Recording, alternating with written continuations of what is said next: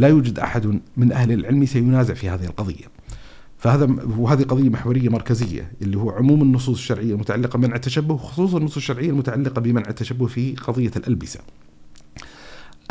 مثلا وقاعد تنظر إلي وأنا يعني لا لا جزاك. الله خيرا وسنأتي بعد قليل إن شاء الله نفصل الكلام في الستدي كيس حقنا في لا في دراسة الحالة شفت أضحكتك طيب ال ال أنا جالس بس جالس أتخيل مشهد أحد المشاهدين يتفرج على المقطع يقول يا ايها الذين آمنوا لما تقولون ما لا. أي طيب زين هذا نجي إن شاء الله نبين. العباره العجيبة اللي قالها ابن القيم قال فهذا إن سلم صاحبه من الكفر. قال فهذا إن سلم صاحبه من الكفر فهو يعني كتهنئته بسجوده للصليب. يعني ابن القيم بيضع المسألة يوضحها يقول إن هذا العيد يعني مثلا ناخذ عيد الكريسماس هو عيد ميلاد الرب إنه هو اليوم الذي ولد فيه الله. فأنت لما تأتي يعني بحسب طبعا اعتقاد الضلال الموجود عند النصارى فلما تأتي تهنئه باحتفاله وتعظيمه لهذا اليوم فهو كتهنئته بسجود الصليب.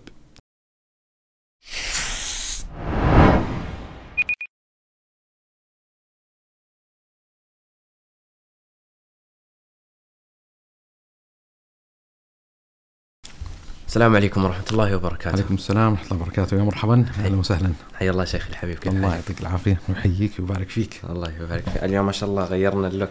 أيوه تدري تبادل الأدوار. أنا تشبهت بالمسلمين اليوم. الله. ما أبغى أقول شيء. طيب هذا هذا يسمونها دراسة حالة. ها. يعني خلينا ناخذ اللوك هذا ونطبق عليه بعض القواعد المتعلقة بهذا الموضوع. فتفضل إيش موضوعنا اليوم؟ موضوعنا اليوم التشبه بالكفار.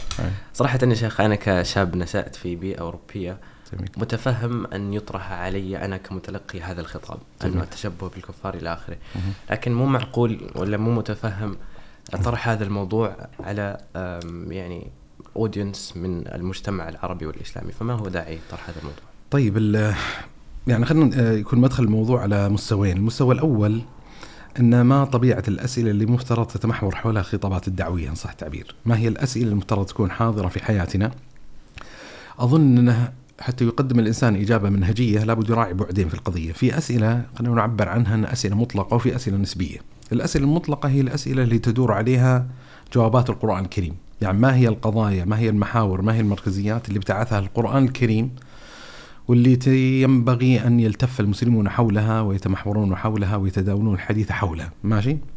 وعندنا القضية الثانية اللي هي القضايا النسبية الإضافية، يعني بمعنى أن هنالك أسئلة معينة، هنالك ملفات، هنالك موضوعات معينة قد تحتل يعني مرحلة أو مستوى متقدما في الاهتمام بحكم البيئة بحكم, الحاضنة بحكم التوقيت الزماني على سبيل المثال. فهي قضايا نسبية إضافية تعود إلى معطيات المكان تعود إلى معطيات الأعراف العادات التقاليد إلى معطيات ال- الزمان. فإذا نظر الإنسان فيما يتعلق بموضوع التشبه وكذا سيجد الإنسان أن هنالك وفرة عالية جدا جدا جدا في مستوى النصوص الشرعية المتكلمة في هذا الباب. وإحنا يمكن ذكرنا في حلقة الصلاة أن أحد المعطيات وأحد القضايا اللي تكشف لنا عن اهتمام الشارع بقضية معينة بحيث أن اهتمام الشارع ينبغي أن يبتعث في نفوسنا اهتمام بهذه القضية هو وفرة النصوص الشرعية فيها. يعني ذكرنا يعني جملة من المعايير أن مثلا معيار الوفرة كثرة النصوص آه، طبيعة المعالجة وكيفية النصوص آه، طبيعة الممهدات والموطئات الاشتراطات المتعلقة بقضية معينة. ذكرنا بعض المعاني هذه. فإذا نظر الإنسان في طبيعة النصوص الشرعية اللي تناولت ظاهرة التشبه سيجد أنها كثيرة جدا والغريب فيها أن لاحظ أن كثيرة على مستوى تأصيل القضية الكلية العامة المتعلقة بملف التشبه ثم تغوص الشريعة في تفاصيل التفاصيل المتعلقة بتخليق حالة الفرق بين المسلم والكافر. فخلنا نقول المعطى الأول اللي يكسب هذا الموضوع أهمية خاصة وموقعا خاص أن الشريعة قد اهتمت به اهتماما خاصا. ماشي؟ هذا المعطى الأول. وبالتالي مفترض أنه يعني يعني يضعف مشروعية السؤال اللي طرح يعني بمعنى أن هذا يعيدنا للمربع الثاني. اللي هي القضية النسبية الإضافية. يعني بمعنى أن في مكان معين قد يحتل هذا الموضوع. المهم أهمية بعد خاصة. يحتل يعني موقعا أكثر خصوصية. وقد يحتل الموضوع في ظرف زماني ما أهمية خاصة كذلك. فخلنا نقول أن موضوع التشبه أظن في معطى الزمان الذي نعيش فيه يكتسب أهمية خاصة عبر بوابة البعدين. يعني بمعنى إن وفرة النصوص الشرعية اهتمام الشارع به يكسبه أهمية متجاوزة حدود الزمان والمكان يعني بمعنى أنه ينبغي أن نكون مهتم به في هذا العام والعام اللي قبله والعام اللي قبله والقرن الماضي والقرن الذي قبله وهكذا. نعم. المعطى الثاني وطبعا هذا الاهتمام يكشف عن عن خصوصية متعلقة بهذا الموضوع وأن هنالك احتياج حقيقي لتأصيله وتثبيته وترسيخه في النفوس. هذا معطى المعطى الثاني أن خصوصية الزمان اللي نعيش فيه تكسب هذا الموضوع المهم أهمية زائدة كذلك. يعني تضيف على أهمية الموضوع أهمية. اللي ينظر في واقع الإنسانية والبشرية اليوم يجد أن المجتمع الإنساني البشري صار كالقرية الواحدة صار عوامل التأثر والتأثير أكبر بكثير جدا من العوالم البشرية السابقة. يعني بمعنى أن كانت البشرية في ظروف المعطيات سابقة تعيش في أشبه الجزر المعزولة اليوم لا صار الحين الواقع الانساني البشري متشابك بطريقة معينة بحيث إنه يسهل جدا نقل الأعراف، العادات، التقاليد، الموضات المتعلقة بالألبسة، الموضات المتعلقة بالعادات آه، بطريقة أكثر سهولة. طيب هذا واقع الأول وبالتالي يعني هنالك نوع من أنواع الاختصاص الزماني إنه هو سلاح ذو حدين يعني بمعنى انه يمكن للمسلمين أن يؤثروا في غيرهم ويمكن للغير أن يؤثر في المسلمين بطريقة مكشوفة بطريقة أكبر. المعطى الثاني اللي يحتاج يراعيه الإنسان إن عامة المنصات اللي يتم عبر بوابتها ضخ ما يتعلق بالأبعاد الثقافية التي تؤثر في المجتمعات تؤثر في الشعوب تؤثر في الأزياء تؤثر في الألبسة تؤثر في الأعراف التقاليد تؤثر في الاعتقادات اللي متحكم بها إلى حد ما من خلال القوى إن صح التعبير الغربية أو حتى الآن القوى الغرب الشرقية. يعني تحصل مثلا من المستوى عندك مصنع هوليوود في الغرب يضخ خطابه الذي يؤثر في كثير من أبناء المسلمين وعندك في الشرق على سبيل المثال موضوع الأنمي على سبيل المثال. موضوع الكي بوب على سبيل المثال الفرق الغنائية الكورية. الشاهد انه إنه بعد يحتاج يراعي الإنسان هذا البعد. إذا ضاف إليه إدراك إن هنالك نوع من أنواع الهيمنة الثقافية الحقيقية الموجودة للقوى الغربية وإن الحضارة الغربية هي الحضارة المهيمنة على بشرية اليوم وإن الحداثة آه هو النموذج الثقافي المسيطر على كثير من العقول والأمزجة والأرواح وإن هنالك ضخ وهنالك إرادة تبديل وتغيير قناعات المسلمين والتأثير في عاداتهم وأعرافهم. فما في شك أن هذا الموضوع كذلك يحتل قدرا زائدا. صارت المسألة أكثر خطورة. صار يعني أول شيء عندك القالب الذي يقبل أن يتأثر المسلم ثم هنالك نوع من أنواع الاحتكار لهذا القالب بحيث أن مؤشرات التأثير في غالب الأحيان تكون باتجاه واحد وأن هنالك إرادة لإحداث حالة التغيير. فهذا يكسب هذا الموضوع أهمية خاصة. خصوصا إذا استحضر الإنسان إنه من القضايا المحورية المركزية الموجودة في خطاب الشارع اللي هو إرادة الشارع لتخليق نوع من أنواع التميز، تخليق هوية مسلمة متميزة على النماذج الثقافية المخالفة. فهذه كل كل القضايا هذه أظن أنها تؤكد أهمية تدارس هذا الموضوع ومذاكرته. طيب جميل جدا شيخنا الحبيب لو ممكن نرجع خطوة للوراء نعم. ماذا نقصد بالضبط بالتشبه؟ التشبه يعني أظن يعني في سياق الموضوع المطروح هو لا يباين كثيرا دلالة كلمة التشبه اللغويه ان صح التعبير، يعني هنالك مرادفات يمكن تقرب المدلول وإن كان لفظة التشبه من حيث هي أظنها مدلولها يتسم بقدر من الوضوح، يعني مثلا عندك لفظة المحاكاة، عندك لفظة الائتساء، لفظة التقليد، لفظة المماثلة، لفظة المشاكلة على سبيل المثال. يعني غيرها من الألفاظ اللي اللي اللي تكشف عن هذه القضية، إن هنالك نوع من أنواع المحاكاة بين ألف وبين باء. بحيث إنها تتسرب آه، بعض مثلا الاعتقادات بعض الأعراف بعض العادات بعض الأزياء. أي قضية معينة ممكن تتسرب من باء إلى ألف بحكم حرص ألف على أن يحاكي في تصرفاته. باء على سبيل المثال. فهذا جانب.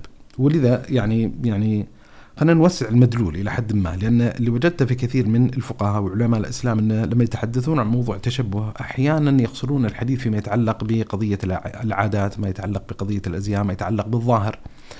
وإذا نظر الإنسان ودقق حتى في طبيعة خطاب الشارع في التناول مع ظاهرة التشبه يجد إن التشبه قد يتمدد إلى مساحات أكثر خطورة من مجرد الزي الظاهر أن التشبه قد يتعلق باعتقاد الإنسان التشبه قد يتعلق بأقوال الإنسان وألفاظه التشبه قد يتعلق بأفعاله وأعماله. وكل مستوى من هذه المستويات كما يقال له أحكامها الشرعية الدينية. وإذا نظر الإنسان أصلا في نصوص الشارع إحنا تحدثنا عن وفرتها وكثرتها وكذا أحد القضايا حتى اللافتة أن التشبه أصلا لا يقتصر على مجرد التحريم التشبه الواقع بين المسلمين وبين الكفار. إن كان محور الحديث اليوم بإذن الله عز وجل يركز على هذا المعطى وهذه المساحة. لكن يجد الإنسان إن هنالك اراده للشارع لتخليق مستويات من التمايزات، يعني هنالك مستوى كما يقال من التمايز بين المسلم والكافر، هنالك مستوى متمايز يكون بين العدل والفاسق، هنالك مستوى من التمايز ينبغي أن يكون بين السني والبدعي، فتلاحظ إن مثلا هنالك نهي أن يتشبه الإنسان المسلم بالكافر، هنالك نهي أن يتشبه الإنسان بالفاسق، هنالك نهي أن يتشبه الإنسان بالمبتدع، هنالك يعني نهي نوع من أنواع التمايز إن صح التعبير الجنسي اللي هو بين النوعين الذكر والأنثى بحيث أنه يحرم على المرأة أن تتشبه بالرجل يحرم على الرجل أن يتشبه بالمرأة. بل حتى تجد نصوص الشارع في قضية التشبه بين الجنسين تتجاوز مجرد إطلاقية القول المتعلق بالمشابهة بين الجنسين إلى الزي انه إن لعن الله المتشبهات من النساء بالرجال بالنساء والنساء بالرجال. وإن لعن الله الرجل يلبس لبوس المرأة والمرأة تلبس لبوس الرجل ففي عندك نصوص. بل حتى هنالك إرادة شرعية تخليق التميز الإنساني إن صح تعبير بحيث إن هنالك نهي أن يتشبه الإنسان بال بالحيوانات بالبهائم. وهذه في نصوص شرعية كثيرة جدا يعني متعلقة سواء في مقامات التعبد أو خارج مقامات التعبد مثل في الصلاة وكذا. نهى النبي صلى الله عليه وسلم عن نقرة الغراب مثلا. نهى النبي صلى الله عليه وسلم عن إقعاء كاقعاء الكلب على سبيل المثال. يعني النصوص معينة. بل حتى من الطرائف أن هنالك أحكام شرعية أنيط حكم المخالفة فيها للشيطان. يعني مثلا من المشروع الإنسان أن يشرب أو أن يأكل بيمينه يعني يأخذ ويعطي بيمينه فإن الشيطان يأكل بشماله فإن الشيطان يأخذ بشماله. فشاهد أن هذا يعني إجمالا مفهوم التشبه أن التشبه لا يخرج عن مفهوم المحاكاة إن صح تعبير مفهوم المشاكلة مفهوم التقليد أو غيرها من الدلالات اللي تكشف إجمالا عن هذه الدلالة اللغوية وأن المعنى الشرعي في كثير يعني يعني في حقيقته لا يتجاوز إن صح التعبير حدود ذلك المعطى وتلك الدلالة اللغوية. شيخي من الأشياء التي ذكرتها في المقدمة أن هناك نصوص كثيرة وافرة مستفيضة في خطاب الشرع بما يتعلق بموضوع التشبه بالكفار. فهل ممكن نذكر شيء من هذه النصوص؟ والله مثل ما ذكرت النصوص كثيرة جدا ولوفرتها ولكثرتها سيصعب جدا أصلا استيعابها لكن جيد أن يذكر الإنسان جملة من هذه النصوص بحيث أن تشكل الإنسان أرضية أو قاعدة معينة يستطيع أن يبني عليها كما يقال كثير من القرارات الدينية والشرعية المتعلقة بملف التشبه التالية مثلا آه يعني من المداخل المناسبة في قضية الإشارة والإبانة على وفرة النصوص وعلى وعلى يعني على رسوخ هذا المعطى ورسوخ هذه الحقيقة في دعوة النبي صلى الله عليه وآله وسلم ان كانت حتى محل ملاحظة من اليهود. يعني لاحظوا اليهود تقصد الشارع، تقصد النبي صلى الله عليه وآله وسلم إلى مخالفتهم. يعني من الاحاديث اللي وردت عن النبي صلى الله عليه وسلم إن اليهود كانت إذا حاضت عندهم المرأة لا يؤكلوها، ما يأكلون معها ولا يجامعوها في البيت أو في الدار يعني بحيث إن لابد ان تكون نوع من أنواع المنعزله عنهم. فأنزل الله تبارك وتعالى آه، قوله سبحانه وتعالى يسألونك عن المحيض قل هو أذن فاعتزلوا النساء في المحيض. يعني في موضع الحيض يعتزل الرجل زوجه فقال النبي صلى الله عليه وسلم للصحابة اصنعوا كل شيء إلا النكاح. فلما بلغ الخبر هذا اليهود قالوا ما لهذا الرجل لا يدع شيئا إلا خالفنا فيه. يعني إن إن لاحظ الخطاب إن هنالك نوع من أنواع الانعزال يقع من المراه شديد عند اليهود فالنبي صلى الله عليه وسلم لما أراد لاحظ الآية لاحظ اللفتة الغريبة. الآية تقول إيش؟ يسألونك آه، قل هو أذن فاعتزلوا النساء في المحيض. فكأن مؤشر الآية تدل على قضية الاعتزال المجانبة. ومع ذلك النبي صلى الله عليه وسلم لما أراد نبه إلى معطى مفهوم متعلق بهذا ونطق به النبي صلى الله عليه وسلم قال اصنعوا كل شيء إلا النكاح. يعني فتحس أن أن قلبت للتأكيد على قضية المخالفة إذا كان اليهود. فشاهد أن هذا الحديث يكشف على محورية هذه القضية مركزية هذه القضية على وضوح هذه القضية حتى عند المخالفين. إذا نزل الإنسان إلى مفصل النصوص الشرعية الدينية فمثل ما ذكرت عندك نوع من أنواع النصوص. في نصوص دينية شرعية تؤكد على مركزية هذه الحقيقة وعلى كليتها بحيث إنها تغلق منافذ التشبه بإطلاق. وبعدين عندك نصوص شرعية تنبه على تفاصيل متعلقة بملف التشبه. يعني مثلا مثلا الإنسان المسلم في كل صلاة يصليها لله تبارك وتعالى من الأوراد من الأدعية من الأذكار التي يقول فيها اهدنا الصراط المستقيم صراط الذين أنعمت عليهم غير المغضوب عليهم ولا الضالين. فكرة غير المغضوب عليهم ولا الضالين إنها نوع من أنواع طلب المسلم لأن يميزه الله عز وجل عنهم. وبالتالي من الطبيعي أن يفهم الإنسان إذا كان طامعا أن يسلك الله عز وجل به سبيل أهل الصراط المستقيم الذي أنعم الله سبحانه وتعالى عليهم من النبيين والصديقين, والصديقين والصالحين والشهداء. والصالحين. ف فلا بد انه يقع يعني ليس ليس من المتقبل والمعقول أنه يتقصد المشابهة، فعندك مثلا سورة الفاتحة تكشف عن هذه الحقيقة ولغرض ما لحكمة إلهية عليا تكرر هذه الصلاه هذه الصلاة وهي سورة الفاتحة تسمى صلاة في الصلاة. آه، من الدلائل الشرعية المهمة المتعلقة في هذا الباب قول الله سبحانه وتعالى ثم جعلناك على شرعة من الأمر فاتبعها ولا تتبع أهواءهم. فالعلماء يستدلون بهذه الآية القرآنية للكشف عن هذه الحقيقة. مثلا من الدلائل القرآنية مثلا قول الله سبحانه وتعالى ألم يأني الذين آمنوا أن تخشع قلوبهم لذكر الله وما نزل من الحق ولا يكونوا كالذين أوتوا الكتاب من قبل فطال, فطال عليهم. فقست قلوبهم. الشاهد أن نحط أن من هنالك نوع من أنواع الأمر بالمجانبة لحال من من من جاء من قبل. مثلا قل الله سبحانه وتعالى ومن يشاقق رسول من بعد ما تبين له الهدى ويتبع غير سبيل المؤمنين فالمسلم مأمور باتباع سبيل المؤمنين المؤمنين منهي عن اتباع غير سبيل المؤمنين. فتلاحظ هذه يعني دلالة قرآنية كلية. ترسخ لهذا المعطى لهذا الحقيقة أن واجب على المسلم أن يتبع المؤمنين واجب على المسلم أن لا يتبع أهواء الكافرين واجب على المسلم أن يخالف أحوال الذين جاءوا من قبل فقست قلوبهم وغيرها من الإشارات القرآنية.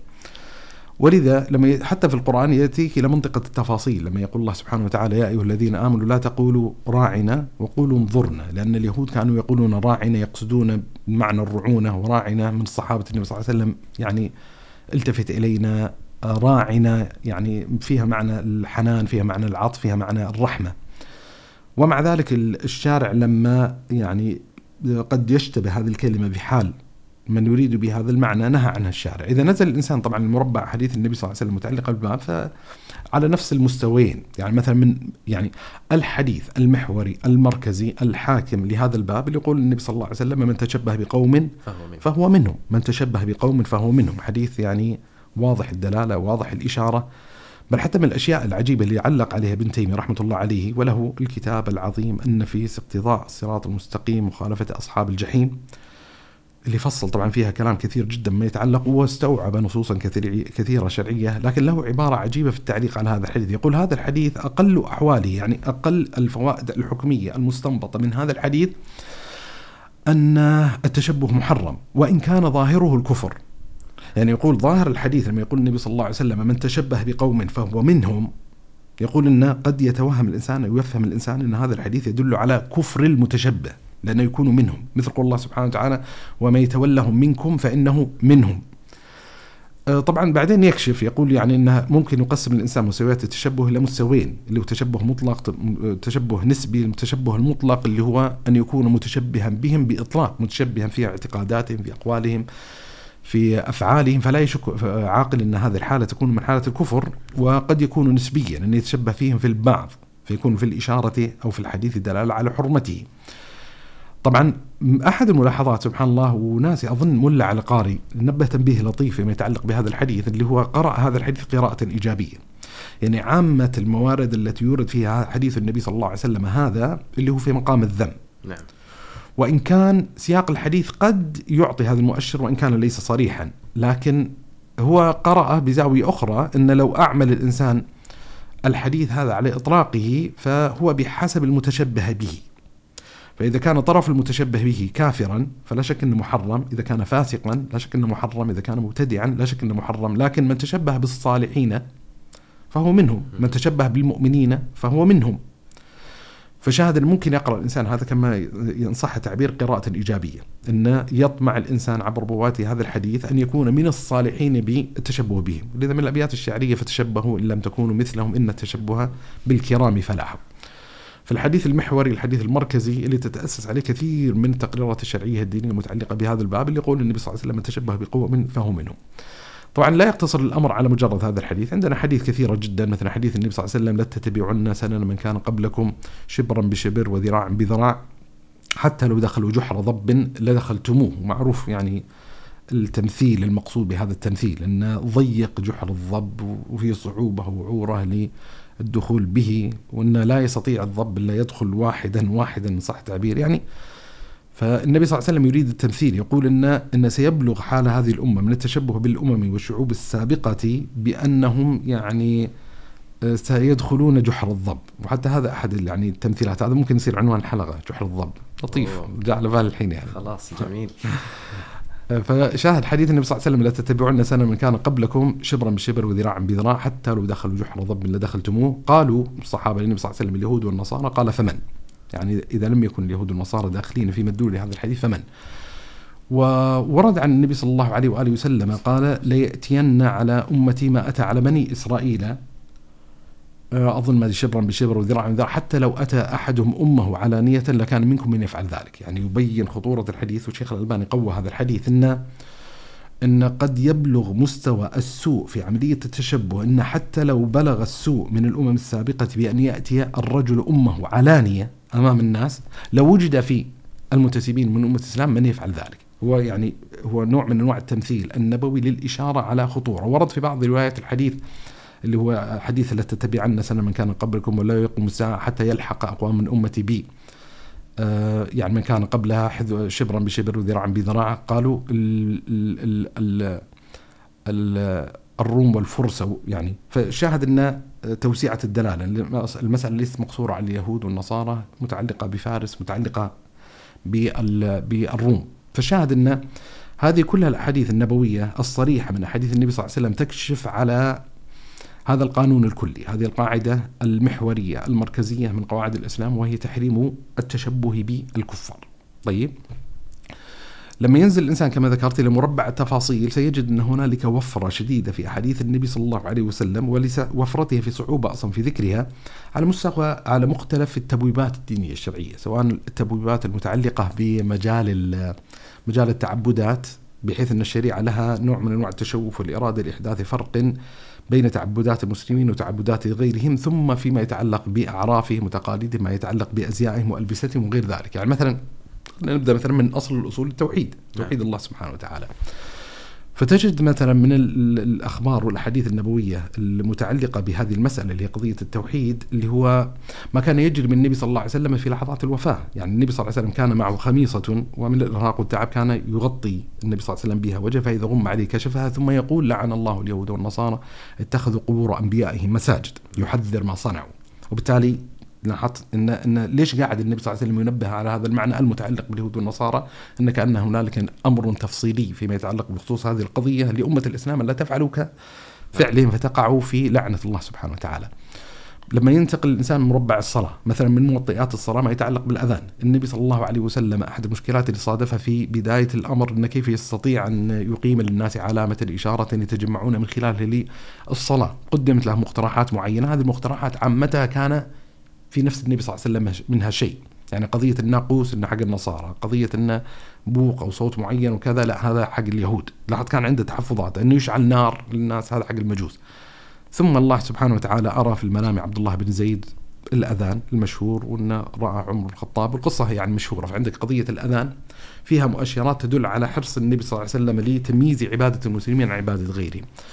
مثلا عندك قضية أوقات النهي في الصلاة، من أوقات النهي عندما تغرب الشمس على سبيل المثال فتجد أن الشريعة عللت نهي المسلم عن أداء صلاة في ذلك الوقت. أن ذلك الوقت الذي تشعل فيه المجوس كما يقال النار. وأن عباد الشمس يقعون سجودا للشمس في تلك اللحظة. وأن ورد كذلك من التعليلات أن الشيطان أو تغرب الشمس بين قرني شيطان. فشاهد كذلك هذا مثلا من المؤشرات المتعلقة بهذه المسألة. مثلا النبي صلى الله عليه وسلم أرشد للمخالفة أن صلوا في نعالكم خالفوا اليهود. أنهم لا يصلون في النعال فصار مشروعا للإنسان المسلم أن يصلي في نعاله. طبعا بحسب الظرف بحسب السياق قضية المكيت والسجاد وكذا بس أنا أتكلم من ناحية تقرير الأحكام الشرعية الأصلية المتعلقة بهذا الباب. فتلاحظ أن هذا ما يتعلق مثلا بمفصل أحكام متعلقة بباب الصلاة، لما تنتقل مثلا لباب الصيام تجد مثلا فرق ما بين يعني آه، صيامنا وصيامهم أكلة السحر.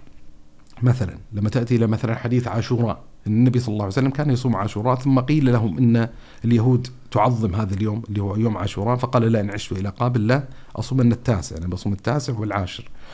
مثلا آه، الحج على سبيل المثال يعني مثلا النبي صلى الله عليه وسلم كان دفعه من مزدلفة على خلاف سنة قريش في الدفع سنة المشركين في الدفع. يعني آه، النبي صلى الله عليه وآله وسلم دفع من مزدلفة بعد الفجر وقبل أن تشرق الشمس دفع. في حين المشركين كانوا ينتظرون شروق الشمس وارتفاع الشمس. ولذا من مما كانوا يقولون أشرق ثبير كيما نغير.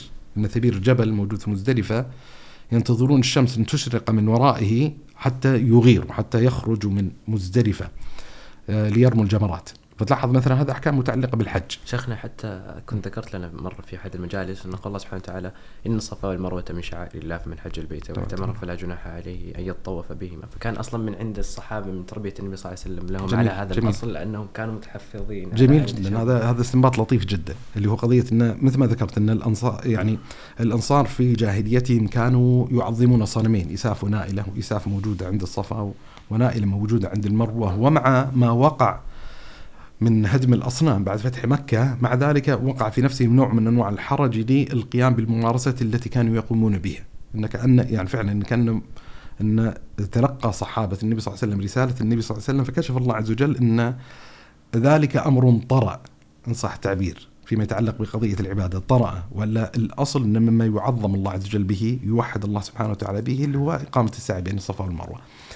مثلا إذا انتقل الإنسان طبعا وهو أكثر لصوقا بموضوعنا إلى مربع الأعراف العادات الأزياء. فمثلا ورد عن النبي صلى الله عليه وسلم في حديث عبد الله بن عمرو بن العاص أنه دخل على النبي صلى الله عليه وسلم وهو لابس ثوبين معصفرين. فقال انزعهما يامره بازاله هذا الملبس لأنها من لباس الكافرين أو المشركين. فالشاهد تلاحظ فالعلماء ينصون يقول لك إن هذا من قبيل العلة المنصوصة إن النبي صلى الله عليه وسلم نهى عن لبس هذا الثوب لأنه من قبيل لباس الكفار. وبالتالي يعني يعني هذا بس إشارة كما يقال أصولية أن ابن حزم رحمة الله عليه ليست مشكلته الجذرية الحقيقية في قضية عدم إعمال القياس. هو مشكلة ابن حزم الحقيقية في قضية تقصيد الشارع. تقصيد الشارع. يعني لما يتحدث الإنسان عن القياس القياس هو إلحاق فرع بأصل في حكم شرعي لعلة جامعة. نعم. فابن حزم هذا فهمي إنه لا ينازع أحدا في مشروعية القياس، إنه ما عنده مشكلة في إلحاق الفروع بالأصول في الأحكام الشرعية للعلة، هو المشكلة إن كيف يدرك الإنسان وجود العلة من عدم العلة. فلسان حال ابن حزم يقول لك إذا استطعت أن تبين لي أن الشارع أناط هذا الحكم بهذه العلة بحيث أنها علة منصوصة أمكن الإلحاق. إذا لم تستطع إقامة ذلك وانتزعته عن طريق الفهم يعني مثلا أنت تأتي وتقول مثلا الذهب بالذهب والفضة بالفضة إن العلة الموجودة فيها الثمنية. فابن حزم هنا يقع منه منازعه يعني طبعا ما أقر ابن حزم ولأن طرد مذهب ابن حزم أوقع في إشكالات. نعم. يعني مثلا من الإشكالات المشهورة جدا في قضية إن قول النبي صلى الله عليه وسلم لا يبولن أحدكم في الماء الراكد ثم يغتسل فيه. فلو قدر إن الانسان بال في إناء ما بال بشكل مباشر في الماء الراكد ثم سكب الماء في ذلك الماء الراكد لزعمت أنه ينبغي أن يكون موضع اتفاق عند العقلاء أن تحققت العلة التي لأجلها نهى النبي صلى الله عليه وسلم عن فعل هذا الأمر اللي هو نعم. تلويث الماء. فهنالك نوع من أنواع النزعة الظاهرية اللي حملت ابن حزم على عدم تجاوز حدود العلة المنصوصة. أنا ليش ذكرت هذا كله الاستطراد أن النبي صلى الله عليه وسلم لما علل نزع الملبس وتحريمه لأنه من لبوس الكافرين هذه ليست قضية يعني منتزعة عبر بوابة الدلالات أو الفهوم أو شيء لا هذه قضية نص عليها وبالتالي لا يوجد أحد من أهل العلم سينازع في هذه القضية. فهذا وهذه قضية محورية مركزية اللي هو عموم النصوص الشرعية المتعلقة بمنع التشبه وخصوصا النصوص الشرعية المتعلقة بمنع التشبه في قضية الألبسة. مثلا وقاعد تنظر إلي وأنا يعني لا لا جزاك الله خيرا وسناتي بعد قليل إن شاء الله. نفصل الكلام في الستدي كيس حقنا في لا. في دراسة الحالة. أضحكتك. طيب ال أنا جالس بس جالس أتخيل مشهد أحد المشاهدين يتفرج على المقطع يقول يا الذين آمنوا لما تقولون ما أي طيب زين هذا نجي إن شاء الله نبين. من الأشياء المؤكدة في قضية الأعراف والعادات في النصوص الشرعية وأنا احاول أتلقط يعني كما يقال موضوع اللحية على سبيل المثال لأنه وردت خطاب النبي صلى الله عليه وسلم إن خالفوا المشركين في بعض الروايات خالفوا المجوس وفروا اللحى حفوا الشوارب. فمثلا مثلا في اللحية قضية الصبغة على سبيل المثال إن أمر النبي صلى الله عليه وسلم بتغيير الشيب مخالفة لليهود والنصارى على سبيل المثال. مثلا من ال ال ال الأخبار من العادات مثلا من الأحاديث العجيبة سبحان الله اللي هو قضية التحايا يعني من ال من الأعراف المميزة للأمم والشعوب الطريقة التي يحيي بها الإنسان الآخر. يعني مثلا قضية المصافحة هذه عادة مثلا. تجد في بعض الدول قضية الانحناء مثلا بالركوع على سبيل التحيه فمن الأحاديث العجيبة اللي وردت عن النبي صلى الله عليه وسلم قال ليس منا من تشبه بغيرنا ونهى النبي صلى الله عليه وسلم عن التشبه باليهود وبالنصارى في قضية معينة إن تحية اليهود بالأصابع وتحية النصارى بالأكف. بالأكف. ولذا بعض العلماء لما إن قد يعني بس حتى نحل هذا الإشكال يعني كما يقال طيب قد يعترض اعتراض أو يقع إشكال في نفس سائل معين يقول طيب أنا ماشي في طريق معين وفي صاحبي بعيد ما أستطيع إني أقول له السلام عليكم ما بيسمعني وكذا وما ودي إنه يعرض عنه بحيث إنه يتوهم إني ما أحببت أني احييه بقضية معينة فاضطر أني أشير له إشارة. نعم. فلسان الحال الإشارة إذا طيب النبي صلى الله عليه وسلم قال إن ينبغي علينا أن نخالف اليهود والنصارى وأن الإشارة بالكف هذا من قبيل تحية النصارى. فالجواب العلماء يقولون أن تستطيع في هذه الحالة الجمع بين الإشارة وبين السلام. تقول السلام عليكم.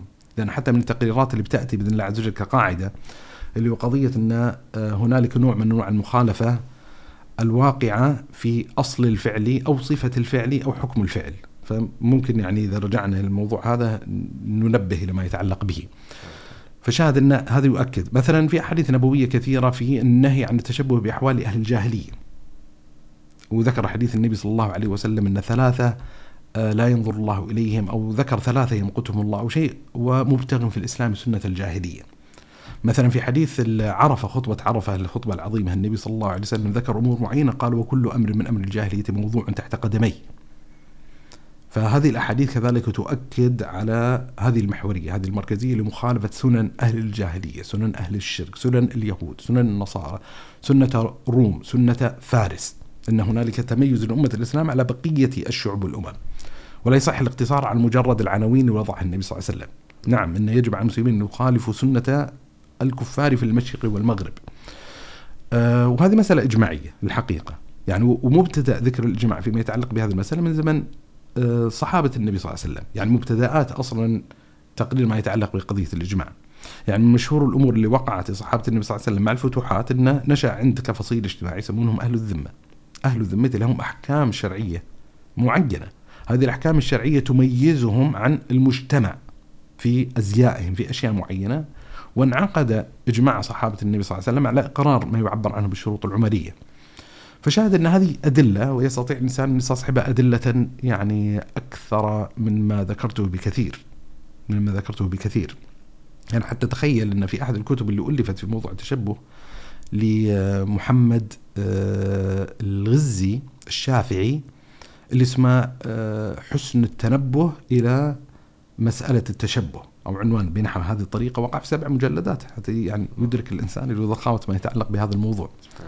وفي كتاب للدكتور الشيخ سهل عبد الغفار كتاب جميل الحقيقة مجلد كامل في مجرد تتبع الآثار والأحاديث المتعلقة بالتشبه بالكفار كتاب مجلد كامل وظيفة هذا المجلد في جمهورية تتبع الأحاديث آه، والآثار النبوية في حرمة التشبه بالكفار فالعبد الفقير سيصعب عليه أنه يستوعب وأظن أنه أصلا يعني طولنا يعني كما يقال في هذا المحور لكنه يكشف عن مساحات متنوعة يؤكد محورية هذه القضية ومركزية وعبر بوابة هذه الأحاديث يستطيع الإنسان أن يؤسس الكثير من الأحكام والتقريرات الشرعية الدينية المتعلقة بمسألة التشبه شيخ سبحان الله بينما أنت تذكر وفرة النصوص وتذكر النصوص الواردة في الشرع يعني قفز للذهن سؤال لماذا شدد الشرع في هذه المسألة؟ جميل. العلماء نبهوا إلى حكم شرعية متعددة فيما يتعلق بقضية منع التشبه.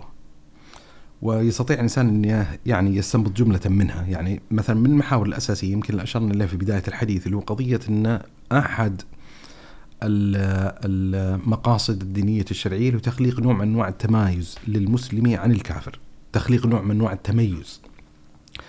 آه، التأكيد على المعطى اللي نص الله سبحانه وتعالى عليه في غير يعني في يعني في غير موضع من القرآن الكريم لمفهوم العزة الإيمانية وأنتم لعلون آه، إن كنتم مؤمنين إن أحد المظاهر اللي تنكشف بها قضية العلو اللي هو أن أن يحرص الإنسان المسلم على أن يكون متمايزا عن غيره ب يعني مفتخرا إن صح التعبير بأعرافه بعاداته بطقوسه بتعبداته باعتقاده بأزيائه بغير ذلك من المعطيات.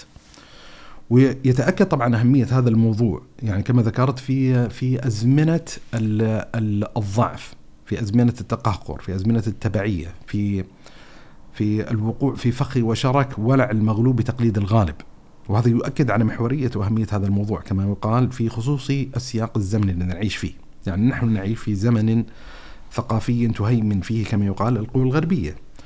أحد القضايا اللي يعني ولما يتحدث الإنسان حتى عن القوى الغربية هو يتحدث عمليا إلى حد ما عن أمركة العالم. أن النموذج الثقافي الأمريكي يعني حاضر ومكثف بطريقة كبيرة جدا بحيث أن كثير من الأمم والشعوب المتباينة المختلفة تبدي حالة من حالة التضجر من ذلك الوافد الأمريكي على ثقافتها المحلية.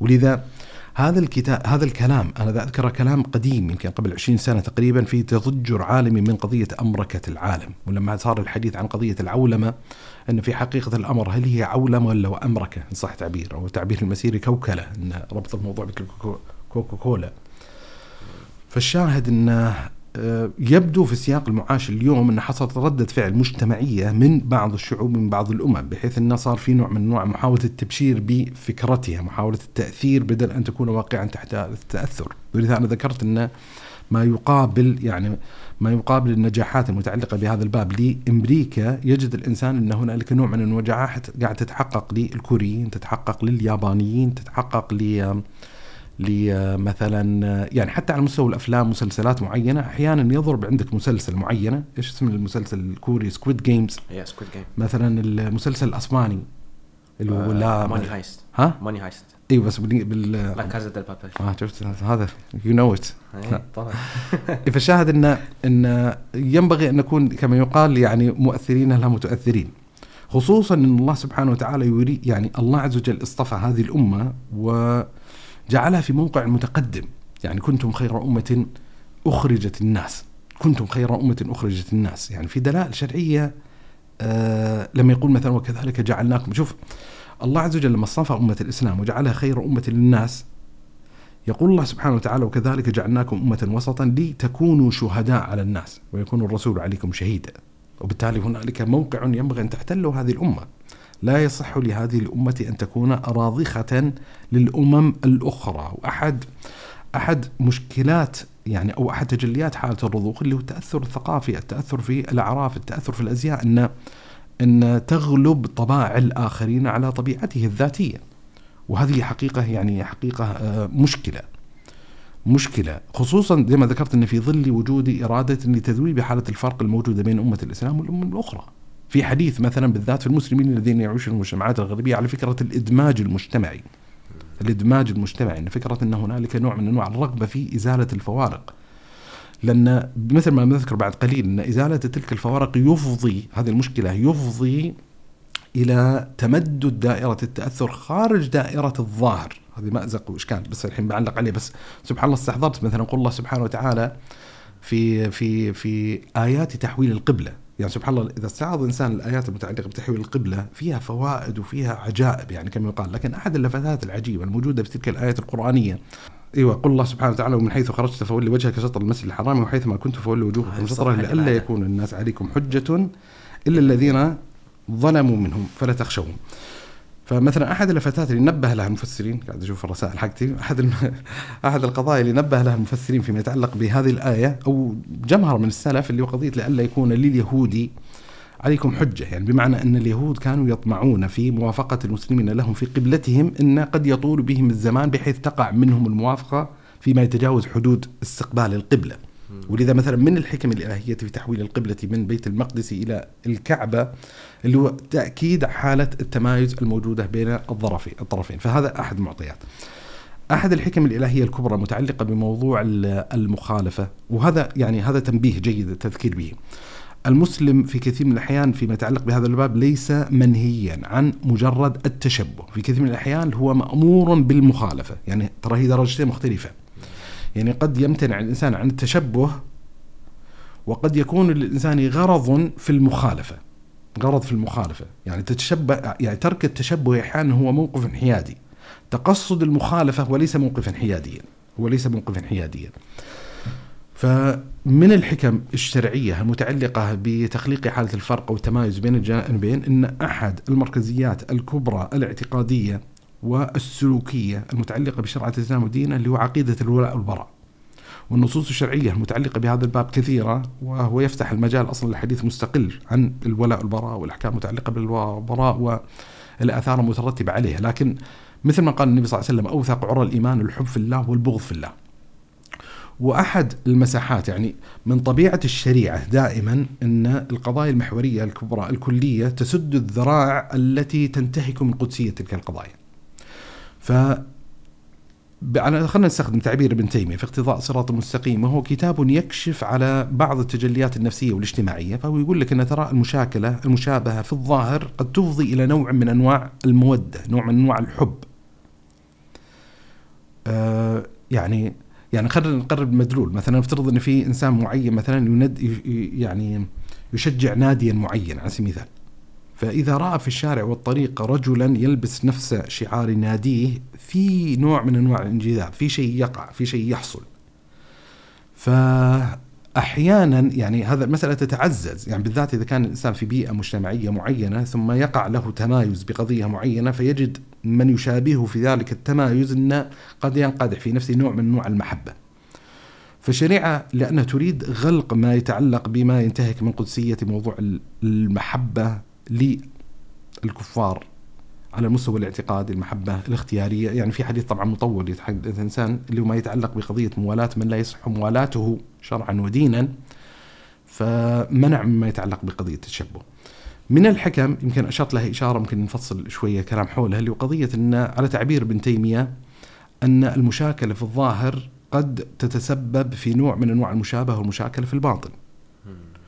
يعني هنالك يعني تقرير عقدي يستخدمه ابن تيمية رحمة الله عليه كثيرا فيما يتعلق بمسائل الإيمان وما يتعلق بمباحث الأسماء والأحكام اللي هو قضية التلازم بين الظاهر والباطن. تلازم النبي صلى الله عليه وسلم نبه على إشارة هذا التلازم يعني لما يقول النبي صلى الله عليه وسلم إن في الجسد مضغه إذا صلحت صلح الجسد كله وإذا فسدت فسد الجسد كله ألا وهي القلب. أحد التطبيقات يعني الظاهر يكشف عما هو موجود في الباطن وقد يتأثر الباطن بمعطيات الظاهر. ولذا يجد الإنسان أن أحيانا هنالك نوع من أنواع الألبسة تخلق يعني خلينا نأخذ مثلا طبيعة الحداثة المعاصرة، أحد الأشياء اللي موجودة فيها اللي في إرادة هنالك إرادة في كثير من السياقات لصب البشر والناس في قوالب معينة. يعني فكرة الزي الموحد، الزي الموحد للشرطة، الزي الموحد للعسكر، الزي الموحد في المدرسة. طيب لماذا هذا الاختيار؟ هل هو اختيار اعتباطي أم أن ذلك الزي المحدد يعني يخلق شيئا يخلق شيئا يؤثر تاثيرا في الباطن، يعني خلينا مثلا من الحداثة خلينا نأتي للمقررات الدينية الشرعية، أحد الألبسة الشرعية الدينية التي يلتزم بها الحجاج والمعتمرين اللي هو قضية الإحرام، طيب هذا الزي الظاهر لما يلبس الإنسان ويتخفف من ملبسه ويلبس هذا اللبوس المتواضع الإزار والرداء ترى له انعكاساته كما يقال الإيمانية على الباطن. وبالتالي أحد المشكلات اللي يحتاج الإنسان أن يلاحظها وأن يراعيها أن المشاكلة والمشابهة اللي تقع مع الكفار في الظاهر قد تؤثر في نوع من أنواع المشاكلة والمشابهة في الباطن، وابن تيمية في الاقتضاء ذكر, ذكر هذا المعنى. ولذا من التنبيهات العجيبة اللي وجدت ابن تيمية ينبه عليها أن من كثرت مخالطته من اليهود والنصارى للمسلمين كان أقل شرا من عموم اليهود والنصارى. يعني إن لاحظت إن نوع من أنواع المخالطة، نوع من أنواع المشاكلة تبدأ تتأثر ايجابا كما يقال عليهم وبالتالي العكس بالعكس إن قد يتأثر الإنسان سلبا بأحكام المشاكلة والمشابهه. طبعا والاخطر من الموضوع لما نتحدث على قضية المشاكلة والمشابهه في الظاهر قد تؤثر في الباطن اللي هو قضية انه قد يؤثر في الباطن اعتقادات اعتقادات فاسدة، اعتقادات باطلة إن يبدأ يضعف يعني كما يقال معاملات التدين والإيمان. ولذا الله عز وجل في آية يعني لما يتحدث الله عز وجل عن بعض الإطلاقات وبعض الأقوال التي كان يتواصى الشعوب والأمم بإطلاقها وقول الأنبياء تجد الله عز وجل ختم تلك الآية قال تشابهت قلوبهم. فتلاحظ يعني الله عز وجل يعني الله عز وجل حكم على وقوع التشابه والمشاكلة في القلوب لمعطى متعلق بالأقوال الظاهرة. فهذا كذلك يعني ملحظ يحتاج الإنسان يراعيه. اللي هو قضية أن المشاكلة الواقعة في الظاهر قد تؤدي إلى نوع من أنواع المشاكل في الباطن. ولذا سبحان الله من التقريرات العجيبة اللي وقت في كلام ابن تيمية. كان يتكلم أن الشريعة حريصة جدا على سد منافذ الكفر. فإذا كان عندك قضية معينة تفضي إلى الكفر غالبا فتجد الشريعة تحرم ذلك الأمر. يعني عندك الكفر وعندك قضية معينة. هذه القضية إذا كانت تفضي إلى الكفر غالبا منعت من الشريعة. ثم إذا كان هنالك أمر يفضي إلى الكفر على وجه خفي فإن الشريعة تحرمه. على وجه خفي يعني مو بالضرورة غالب بس إن مشكلة الخفاء أنه قد يتلبس به الإنسان ويقع بسبب في الكفر من غير أن يشعر فتتحفظ الشريعة. وتتحفظ الشريعة كذلك على ما يوقع في الكفر في الجملة إذا لم تكن فيه حاجة. يعني يعني إنه ممكن يوقع الإنسان في الكفر ولكن ليس على سبيل الغالب. لكن المشكلة أنه غير محتاج إليه. فيقول لك الشريعة إذا كان غير محتاج إليه وقد يفضي إلى الكفر فما لا داعي في الجملة ذكر هذه التنبيهات فتجد يعني كأن ابن تيمية يريد أن يؤصل عبر بوابة هذه الثلاثية يقول لك أن موضوع التشبه ترى قد قد يؤثر بطريقة معينة قد يعني يتسبب في نوع من أنواع المشكلات المتعلقة بهذا الباب. طبعا وفي معطيات يعني متعددة أخرى يعني بحاول أختصرها مثلا قضية إن يعني من موارد الافتراق الواقع بين المسلمين وهي مشكلة حقيقية واقعة بينهم إن يعني أحد القضايا التي تعزز التي توجد فصيل معين زائد مجتمعيا على حالة الفرقة المجتمعية القائمة الموجوده اللي هو ذلك الفصيل والفريق الذي يتشبه بهذه الأمة وهذا الفريق الذي يتشبه بهذه الأمة وهذا الفريق الذي يتشبه بهذه الأمة فتتزايد حالة ال- حالة الفرقة بين المسلمين، يعني مثلا من المشكلات كذلك يقدر يتحدث عنها لماذا شدد الشارع؟ إن الشريعة أناطت أحكام دينية شرعية بالمؤمنين وبالكفار. إن في نوع من انواع التباين موجود، يعني خلينا نبسط الموضوع بهذه الدرجة من البساطه إن الإنسان لما يمضي في الطريق من المشروع له أن يبتدئ المسلمين بالسلام، لكن ليس مشروعا له أن يبتدئ الكفار بالسلام. طيب. آه فكيف يستطيع الإنسان يطبق هذا عمليا إذا لم يكن هنالك أي أداة تمايزية؟ يعني كما يقال بين المؤمنين وبين الكفار. فيحتاج الإنسان كذلك أن يراعي ما يتعلق بهذا البعد إن كثير من المقررات والأحكام الدينية الشرعيه لا يستطيع الإنسان تفعيلها وتطبيقها ما لم يوجد حاله التمايز في الظاهر اللي تستوجب بعد ذلك الأحكام الدينية الشرعية. مثلا منع التشبه هو أحد أدوات الشريعة في تعزيز وتأكيد الأحكام الشرعية. يعني في تعزيز وتأكيد الحكم، يعني الحكم الشرعي آه، موجود فأحد أدوات الشريعة في التأكيد على هذا الحكم الشرعي اللي هو الابانه على آه، مشكلة الأمم السابقة، يعني خلينا نضرب مثال عملي إن من القصص والأخبار المشهورة اللي وقعت في زمن النبي صلى الله عليه وآله وسلم اللي هو ال- المخزومية، المرأة المخزومية اللي سرقت. نعم. طبعا بني مخزوم يعتبرون يعني أحد بطون واجهات قريش الكبرى، يعني عندك اللي هو بني عبد الشمس وعندك بني عبد مناف، بني هاشم، بني قوم النبي صلى الله عليه وسلم بنو مخزوم، هذه القبائل القرشية كما يقال البطون القرشية القوية. إيه فالحين امرأة مخزومية من هذه القبيلة الشريفة سرقت فلا بد أن يقام عليه الحد القطع. إيه طبعا نفوس ال ال الواجهات الاجتماعية ال يعني اللي تقف في في رأس السلم الاجتماعي تتأبى على قبول مثل هذا التقرير. إن كيف كيف يتصور أن امرأة من عندنا تقطع يدها؟ فعندهم مشكلة فيريدون أنه يخلقون نوع من أنواع الوساطات عسى النبي صلى الله عليه وسلم يخفف هذا الأمر. فطبعا لم يجدوا خيرا من حب النبي صلى الله عليه وآله وسلم. أسامة. حب يعني حب النبي صلى الله عليه وسلم وابن حبه. ابن حب النبي صلى الله عليه وسلم. زيد بن حارثة حب النبي صلى الله عليه وسلم. يتبناه في الجاهلية كان من أحب وأقرب الناس إليه. فأسامة لما ولد له كان من أحب الناس إلى النبي صلى الله عليه وآله وسلم. فأسامة سعى في تلك الوساطة فغضب النبي صلى الله عليه وسلم غضبا شديدا وقال أتشفع في حد من حدود الله؟ أتشفع في حد من حدود الله؟ ثم نبه النبي صلى الله عليه وسلم. شوف التنبيه الجميل. قال إنه كان في من كان قبلكم. زين. يعني أو إنما أهلك الله عز وجل من كان قبلكم أنه إذا سرق فيهم الفقير أو ال- ال- ال- الغني تركوه وإذا سرق فيهم الفقير أقاموا عليه الحد. فتلاحظ الحين النبي صلى الله عليه وسلم يريد التعزيز يريد التأكيد على ذلك الحكم الشرعي اللي هو حرمة عقد الوساطة أو الشفاعة فيما يتعلق ب حدود الله تبارك وتعالى. فاستجلب تلك المادة المتعلقة بأبضاع الأمم الشعوب السابقة وأن الله عز وجل قد أهلكهم بمثل هذا الموجب وأن أحد القضايا التي ينبغي أن يعالجها الإنسان في مسلم وفي نفسه أن يترك التشبه بأحوال من سبقه فيما يتعلق بهذا المجال. فاجمالا يعني اجمالا نستطيع نقول أن هنالك إرادة شرعية تخليق حالة من حالات التمايز بين المؤمنين والكفار هنالك إرادة شرعية لتعزيز وترسيخ وتثبيت قيمة الولاء والبراء في نفس الإنسان المسلم فأي شيء ينتهك قدسيته سيحرم الشارع. هنالك لون من ألوان التلازم بين ظاهر الإنسان وبين باطنه وبالتالي الشريعة تخشى من تسرب نوع من أنواع المشاكلة والمشابهة الواقعة في الظاهر على باطن الإنسان المسلم في سد الذراع المتعلقة بهذا المجال. ومن المعطيات إن أظن إن أحد المعززات لحاله الافتراق بل حتى حديث النبي صلى الله عليه وسلم فيه قدم الإشارة إن افترقت اليهود على 71 فرقة افترقت النصارى على 72 فرقة وستفترق هذه الأمة على 73 فرقة.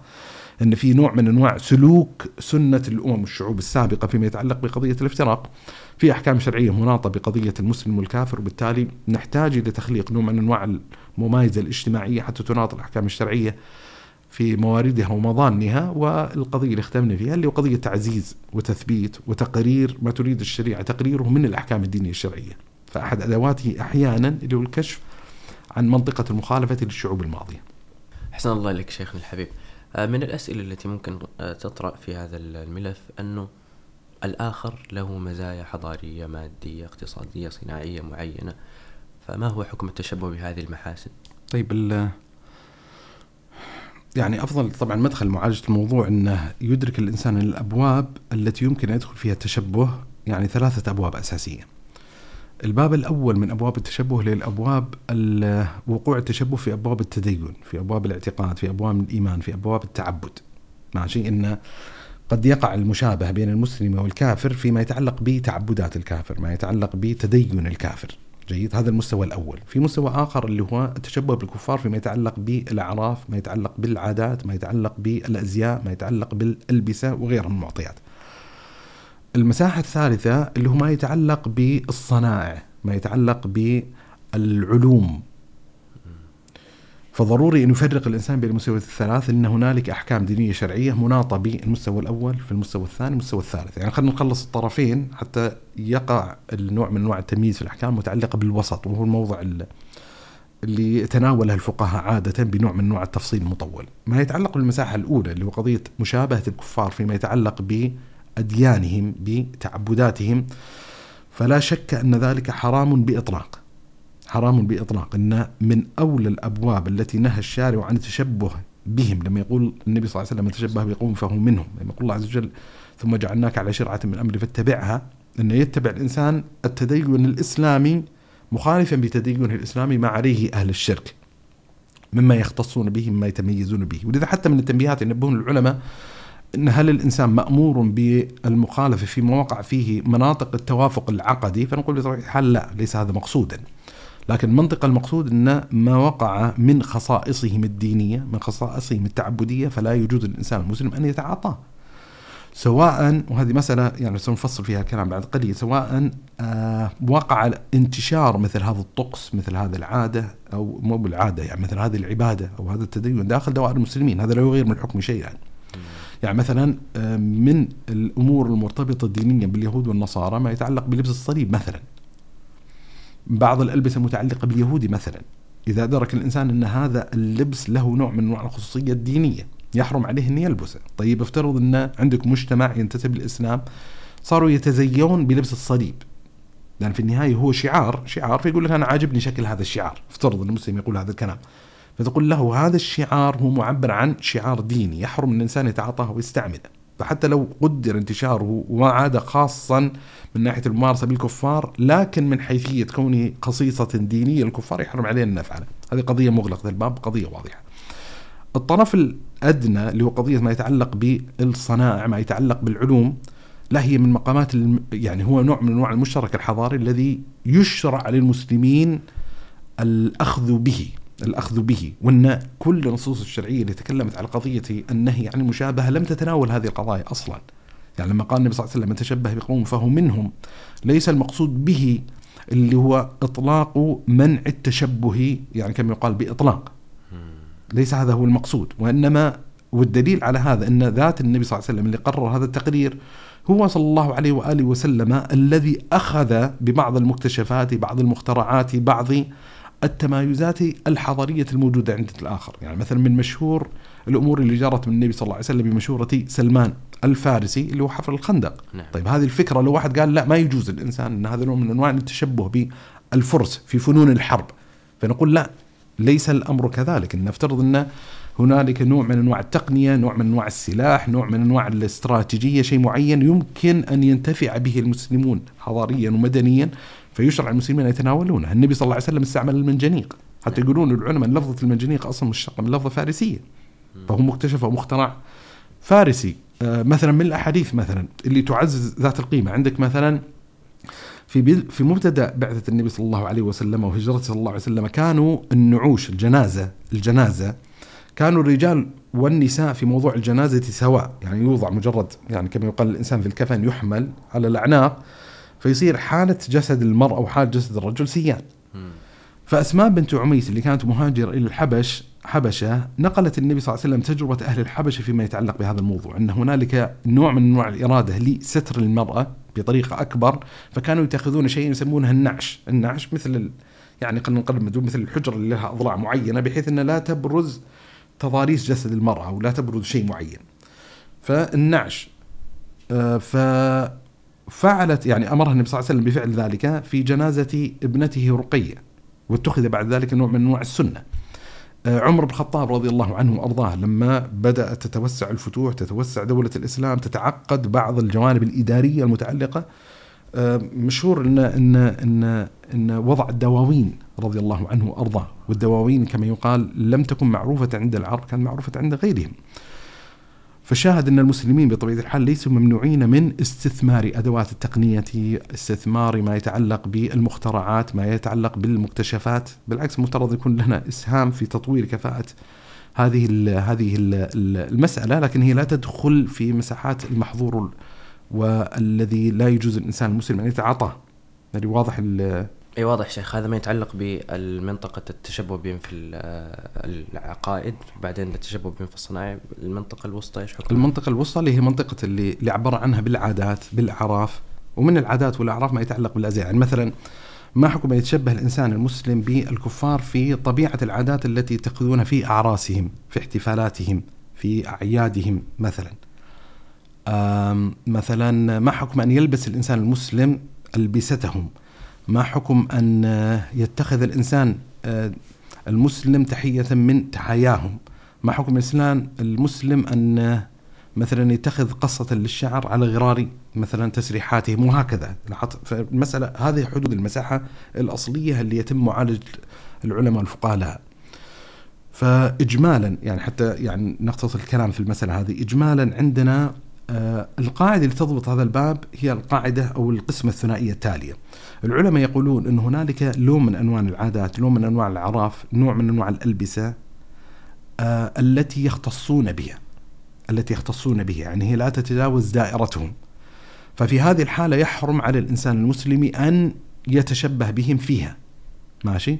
نعم. إن إذا كان الأمر مما يختص به الكفار وعلامة اختصاص الكفار إن لو فعله مسلم مسلمين لأسيء فيه الظن. يعني بمعنى ان ان إن يعني يعني مثلا من القواعد اللي يذكرونها العلماء فيما يتعلق بباب التشبه أنه لا تشبه إلا بنية، يعني بمعنى إن النية عاملها مؤثر في هذا الموضوع، ويؤكدون هذه القضية بقول النبي صلى الله عليه وسلم من تشبه بقوم فهو منهم، فيقول لك إنه لم يقل من شابه قوما فهو منهم، من تشبه. فالتشبه كان في نوع من أنواع ال- النية القصدية، ماشي؟ فنقول الحين المشكلة الحاصلة الشريعة تحكم على القصود الباطنة على الأقل في الأحكام بحسب الأحكام الظاهرة بحسب. يعني أنت تحملون على إساءة الظن في قصدك ونيتك إذا فعلت هذا الأمر. فإذا كان هذا من قبيل الاختصاص من قبيل الاختصاص يصعب على الإنسان أن يدافع عن نفسه أنه يقول أنا لا أفعله على وجه التشبه. طيب يعني يصير صعب تصور الموضوع أن كيف لا تفعله على سبيل التشبه وأنت لم تدركه إلا عبر بوابته. وأن يعني يعني يحمل الإنسان ان التفسير الأوحد أنك قاعد تفعله بقصد التشبه. ماشي؟ نعم. فإذا كان الأمر مما يتعلق بخصائصهم فيحرم على الإنسان المسلم أن يشتبك معه وان يتعاطى معه وأن يتشبه بهم فيه. ماشي؟ إذا لم يكن من خصائصهم يعني بمعنى هم يفعلونه نعم لكنه تجاوز مساحة دائرتهم بحيث أن هنالك من أبناء المسلمين جزء من المجتمع كذلك المسلم يمارسه بحيث أن نزع عن تلك القضية حالة الاختصاص حالة التمايز. ففي هذه الحالة يجوز الإنسان المسلم أن يفعله. يجوز الإنسان المسلم يعني طبعا هو من ناحية التراتبية التاريخية أو تسلسل الزمن اللي سيحصل أن عندك شيء يعتبر من خصائصهم. المسلمين الأول اللي كانوا يتشبهون وقعوا في المحظور. لكن مع تمدد الزمن يبدأ يضعف معامل التشبه المحظور بحيث أنه أن ما عاد من خصائصهم ما عاد من يفعله متشبها بالكفار لأن احتمال أنه قاعد يتشبه المسلمين. ولذا في هذه الحالة اللي هو حالة إذا تمددت تلك الظاهرة من العادات أو الأعراف أو الأزياء كظاهرة مجتمعية داخلة في حدود المسلمين لا يحرم فعل هذا الفعل إلا إذا كان على وجه التشبه. يعني لازم تقتصد إيوه مثلا إذا قصد الإنسان يعني ماشي هو كان أمام مسارين يا يعني أني أقصد مشابهة المسلمين أو أقصد التشبه بالكافرين. فلو قدر الإنسان في نيته الباطنة إنما فعل هذا الفعل لأنه يحب الكفار لأنه يريد التشبه بالكفار لولا أنهم فعلوه ما فعلته ففي هذه الحالة ياثم لكن هل يجوز له ممارسة الفعل إذا خلع عن هذا القصد؟ نقول نعم يجوز له. وطبعا في يعني في في يعني في أدلة وفي آثار تدل على هذه المسألة. يعني مثلا الإمام الحافظ بن حجر نقل عن جملة من السلف ان كرهوا لبس البرنس البرنس. ماشي؟ وأن سئل مالك بن أنس لاحظ الحين الدقه العلمية سئل مالك بن أنس عن لبس البرنس فقال آه فقال لا بأس به مالك بن أنس. فقال يفعله النصارى. وان بعض السلف كرهوا لبس البرنس لأنه من لباس الرهبان إن لباس نصراني. فقال إنه كان يفعل ها هنا يعني بمعنى أنه ليس مختصا بالنصارى بل كان يفعله جملة من المسلمين. وإذا حتى النبي صلى الله عليه وسلم فيما يتعلق بحديث الألبسة اللي يحرم على المحرم أن يلبسها ذكر البرانس صلى الله عليه وآله وسلم. فهو يدل على أنه متمدد خارج دائرة آه، لباس النصارى. مثلا من الأمور العجيبة مثلا نقطه عبد عبد البر بحسب ذاكرتي إن قضية إن مثلا مما يعرف من هدي النبي صلى الله عليه وسلم في شعره انه كان أحيانا يطيله النبي صلى الله عليه وسلم حتى يبلغ قريبا من كتفيه صلى الله عليه وسلم. ثم علق ابن عبد البر لما أورد جملة قال وإنما يفعله الفساق عندنا. يعني بمعنى إن هنالك نوع من أنواع التغاير المجتمعي أو المكاني أو الزماني بحيث انه صار الحين الحكم يتغير بحسب طبيعة الحاضنة المجتمعية الموجودة، فنعم هو كان مباحا ثم لما صار مختصا إن صح تعبير بالفساق يصير في هذا السياق الزمني لا يكون مشروع. فتلاحظ الحين يعني آه، ما يتعلق بالأعراف والعادات وهذه القضية المهمة هو يتغير بحسب تغير طبيعة الزمان وبحسب تغير طبيعة المكان. فقد يكون في زمان معين محرما محظورا لاختصاصه بالكفار ثم مع تمدد الزمان يتغير الواقع المجتمعي. يتغير الواقع المجتمعي يعني مثلا الإمام الذهبي له كتاب لطيف اللي هو تشبيه الخسيس بأهل الخميس وهو مختص فيما يتعلق بموضوع التشبه ما يتعلق بالأعياد وهو يعني رسالة مختصرة غاضبة إن صح التعبير ومن الغضب تلاحظ في العنوان تشبيه الخسيس بأهل الخميس أو تشبه الخسيس بأهل الخميس. فأحد سبحان الله الجمل اللي أشار إليها كان يتحدث أنه يعني زي بهذه اللغة ألا ترى أن العمامة الصفراء والزرقاء كانت مباحة لنا اللي هو أنه يجوز الإنسان المسلم أن يلبس عمامة لونها أزرق ولونها أصفر ما هو مشكلة. لكن لما ألزمهم الناصر الملك الناصر اللي هو السلطان المملوكي لما ألزمهم بذلك ألزم النصارى وألزم أهل الذمة بلبسها أن لابد أنتم تلبسون هذا الزي نوع من أنواع التخليق المجتمعي التمايز المجتمعي حرمت علينا. الآن لما صارت العمامة الزرقاء والصفراء مختصة بأهل الذمة حرمت على المسلمين أن يفعلون ذلك.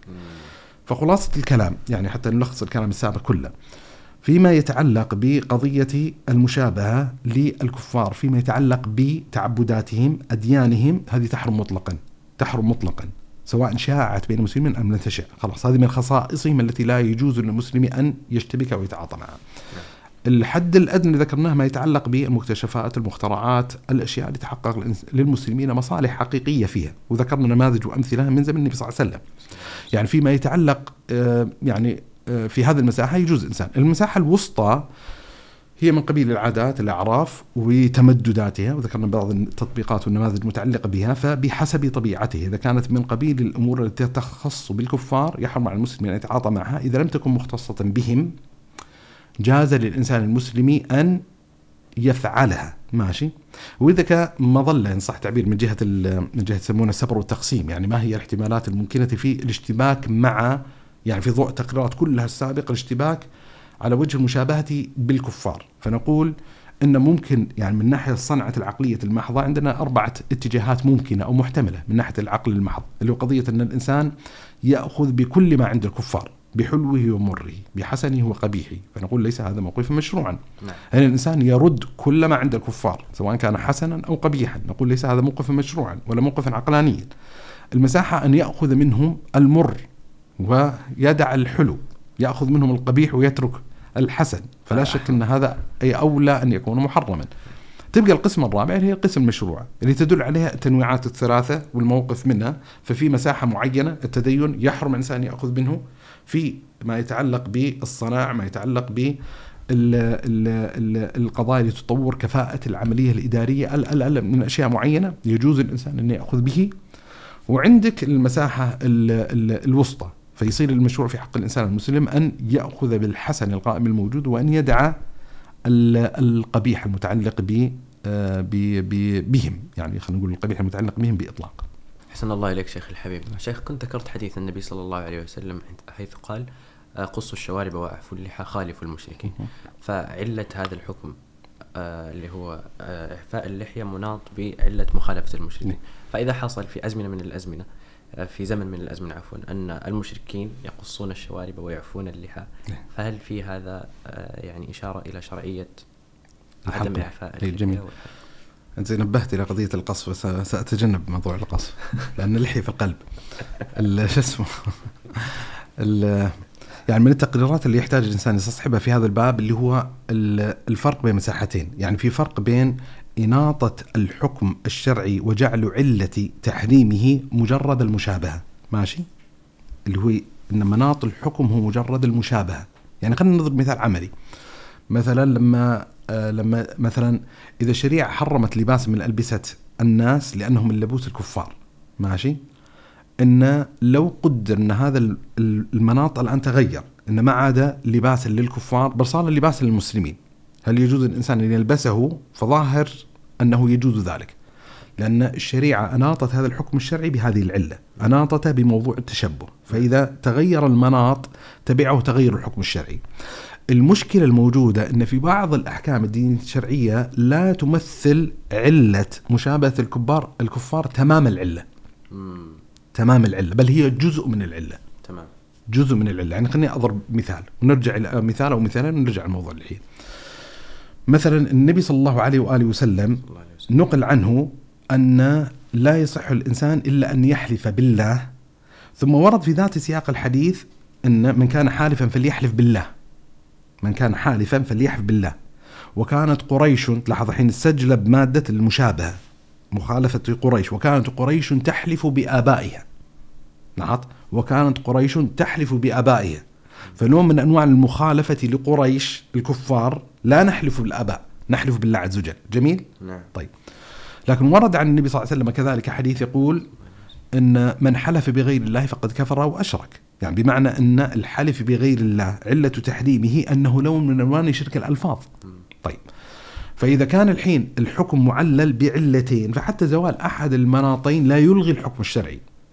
هذه قضية واضحة. أم يعني وحتى على ذكر الحلف سبحان الله خطر في بالي اللي هو قضية ان إن ورد عن النبي صلى الله عليه وسلم انه قال إن من حلف بالعزى فليقل لا إله إلا الله. من حلف بالعزى يعني بمعنى مسلم جرى على لسانه الحلف بالعزة ماشي فأمره النبي صلى الله عليه وسلم بأن يكفر عن تلك التلف اللفظة اللي ذكرها بشهادة لا إله إلا الله ماشي طيب هل الحين الذي يفهم يعني الذي يفهمه من كلام أهل العلم إنهم لما يقول المسلم لا إله إلا الله وليس مقصودا به اللي هو إحداث إسلام صح تعبير انه ارتد بمجرد جريان اللفظ عن لسانه فأسلم. طيب الآن يقع الإنسان في مشكلة إن كيف يتصور من مسلم إنه يحلف بالعزة؟ بالعزة. لأن لو قدر أن مسلم حلف بالعزة على جهة التعظيم للعزة لكان ذلك كفرا. لكان ذلك كفرا. هذا ليش يعني سبحان الله خطر في بالي الحين؟ إنه يعزز فكرة إن الشريعة تتقصد تخليق حالة من حالات المخالفة في الظاهر. ليس القضية مناطة بالضرورة بالقصود الباطنة. ماشي؟ يعني دام وقعت منك ما ظاهره فهي ترى قضية تحتاج إنك لا تتلبس بها. يعني خلينا نوضحها الآن جريان هذه اللفظة. لما يقول الإنسان والعزة. ماشي؟ مسلم يقول والعزى بحيث يأمر الشارع بأن يكفر عنه بأن يقول لا إله إلا الله. متى يتصور جريان هذه اللفظة من المسلم؟ هل يخطر في بالك شيء؟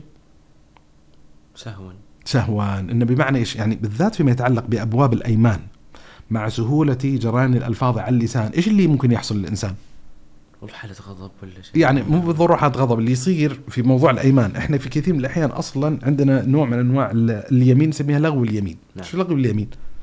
إن بلا والله إيش القصد بلا والله إن أحيانا تجري اللفظة غير منعقدة أنت ما بقاصدها ما ليس من غرضك أصلا جريان اللفظة على لسانك اللي هو إيش اللي هو توثيق اليمين وعقد اليمين مو مقصود لكن جرت على لسانك إيه فبالذات فيما يتعلق بمبادئ الإسلام يعني ناخذ الحين نموذج مثلا قريش كل ما جاء يحلف ذلك القرشي أول ما يسبق لسانه يقول والعزى، إذا دخل في الإسلام هل يمكن أن تجري على لسانه خطا سهوا مع العجلة؟ ممكن. متصور، نعم. فيقول للشارع قل لا إله إلا الله. طيب لاحظت الشارع ما اختفر اغتفارا تاما لأنه وقع له من أنواع الموافقة في الأمر الظاهر، ماشي؟ لكن موطن الشاهد يعني نرجع لمحور الحديث اللي هو قضية إذا كان ال- ال- الحكم مناطا بعلة وهذه العلة ليست علة تامة وإنما علة جزئية فلا يزول الحكم بزوال جزء العلة. جيد؟ ومثال آخر يعني مثلا نأخذ مثال. مثلا آه، أحد التحايا مثلا موجودة في المجتمعات الشرقية قضية إيش؟ الركوع أو الانحناء. زين؟ فنفس القضية تجد أن آه الآن يحرم على الإنسان المسلم أن يحيي غيره بهذه التحية. ليش؟ لأن فيها نوع من أنواع المشابهة لغير المسلمين. جميل. لكن هل هذا هو تمام العلة؟ نقول لا. لأن ورد عن النبي صلى الله عليه وسلم إذا لقي المسلم المسلم أينحني له؟ قال لا. يعني أن الشريعة عندها قدر من التحفظ على قضية الركوع على قضية السجود لغير الله عز وجل. يعني مثلا ال- السجود بعد واضحة. الآن ما حكم أن يسجد الإنسان المسلم لغيره على سبيل التحية مش على سبيل العبادة؟ زين ما يجوز. نقول لماذا لا يجوز ذلك؟ نقول لاعتبارين الاعتبار الأول أن هذه التحية وهذا الواقع اللي كان في زمن النبي صلى الله عليه وسلم هي ليست من تحية المسلمين وأن من تحايا غيرهم. وإذا معاذ بن جبل رضي الله عنه وأرضاه لما قدم على النبي صلى الله عليه وسلم من الشام سجد للنبي صلى الله عليه وسلم. فقال النبي صلى الله عليه وسلم ما هي معاذ؟ يعني ما سفع قال إني رأيت الروم يفعلون ذلك بعظمائهم وأنت أولى بالتعظيم يا رسول صلى الله عليه وسلم. فقال النبي صلى الله عليه وسلم لو كنت آمر أحد يسجد لأحد لأمرت المراه أن تسجد لزوجها. فتلاحظ الحين معاذ يعني لاحظت كأن النبي صلى الله عليه وسلم يرشده أن لا ينبغي الإنسان أن يفعل هذا الفعل لأن بين قوسين في نوع من أنواع المشابهة الكفار ولأن ذلك الفعل لا يجب أن يكون منصرفا إلا الآن في شرعتنا إلا الله سبحانه وتعالى اللي يغلق منافذ يعني كما يقال ال- الشرك أو ال ال آه، يعني تعظيم غير الله سبحانه وتعالى تعظيما لا يليق إلا بالله سب- سبحانه وتعالى. الشاهد فهذا مجال. في موضوع اللحية نفس القصة. يعني نعم ورد عن النبي صلى الله عليه وسلم ما يدل على أن اللحية أحد مناطات الحكم الشرعي المتعلقة بها أو علالها اللي هو مخالفة المشركين مخالفة المجوس. حلو جميل جدا. لكن كذلك ورد عن النبي صلى الله عليه وسلم ما يدل على أن من سنن الفطرة إعفاء اللحية. فتلاحظ أن لا عندنا مناط آخر الحين أن في مناط آخر متعلق أن من مقتضيات فطرة الإنسان المسلم والتزامه بالفطرة أن يعفي لحيته. فحتى لو قدر زوال العلة الأولى اللي هو قضية ال ال ال يعني عدم وقوع حالة من حالات التشبه فلا يصح للإنسان آه عدم الالتزام بهذا الحكم الشرعي الديني لأن هنالك علة أخرى يحتاج كذلك الإنسان يراعيها في هذه المعادلة. أحسن الله عليك شيخ الحبيب. في أشياء أخرى آه، ممكن تقال في باب الأحكام؟ طيب الكلام كثير يمكن يقال لكن يعني خليني بس أعطي مثلا خطوط عامة عريضة يعني حتى نلخص الكلام وأظن أن أخشى أن الحلقة ستطول جدا. القواعد يعني خلينا جزء منها ملخص الماضي وإضافات خطوط عامة عريضة. يعني ملخص ما مضى أن كل ما اختص بالكفار من المقامات الدينية أو العادات. لاحظ كل ما اختص هذه اللفظة محورية كل ما اختص بالكفار من العادات الدينية أو العادات العرفية حرم على المسلم أن يتشبه بهم فيها. خلاص هذه واضحة. جميل. القضية الثانية أن ما انتشر وذاع وما عاد خصيصة لهم من العادات. لاحظ من العادات جاز للمسلم أن يتعاطاه وأن يقع منه. يعني مثلا آه، مثلا الأكل على الطاولة على سبيل المثال. أو آه، أو يعني أي قضية تنتشر على سبيل المثال. يعني مثلا من الأشياء الموجودة في كثير من المجتمعات المسلمة أن المرأة في يوم عرسها تلبس مثلا الفستان الأبيض على سبيل المثال. هل يحرم عليها لبس الفستان الأبيض؟ نقول لا يحرم ذلك لأن ما عاد اختصاصا ما عاد عرفا عادة للكفار وحدهم بل تمدد إلى داخل المجتمعات المسلمة. لبس ال ال يسمون هذا هودي ولا؟ هودي يا سو فهذا لم يعد يعني كما يقال يعني لباسا مختصا بالكفار. وبالتالي هذا مثلا أحد التطبيقات. إحنا قلنا مثلا حالة دراسة. يعني الله. تدرس ال- جسد عبد الله الجيلي وما عليه طيب. ممكن. ممكن نفس الشيء ممكن يقال في أعياد الميلاد شيخ. لا، هذه بتجي الاعياد خلينا نناقشها بعدين يعني. طيب. ناقش الأعياد تفصيل. لكن الشاهد مثلا لبس البنطال مثلا زين الجينز فتصير نفس القاعدة مطبقة عليها إن ما عادت خصيصة عادية متعلقة بالكفار فيجوز التعاطي والاشتباك بها. القاعدة الثالثة أو قضية ثالثة تنبه لها مهم جدا اللي هو قضية أه، هنالك أحوال معينة مثلا من ألوان التشبه قد يشرع ويجوز للانسان إذا اقتضته المصلحة الراجحة أو الحاجة أو الضرورة.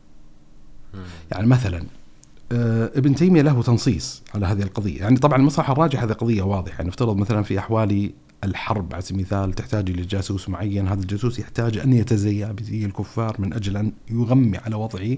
فمثل هذه الحالة يجوز لتحقق المصلحة الراجعة بناء على التشبه. لكن كذلك ابن تيمية ذكر هذا في موضوع في اقتضاء الصراط المستقيم وهو يخدم حقيقة كثيرا من أبناء المسلمين الموجودين في المجتمعات الغربية. أو الشرقية أو المجتمعات غير المسلمة. اللي هو قضية إن ابن تيمية نص نصا صريحا في الاقتضاء على أنه لا يلزم أن يكون مشروعا للإنسان. ليس واجبا عليه وليس حتى قد يكون مستحبا ان أن يتقصد الإنسان مخالفة الكفار في دارهم في الزي الظاهر لما يلحقه في ذلك من الحرج.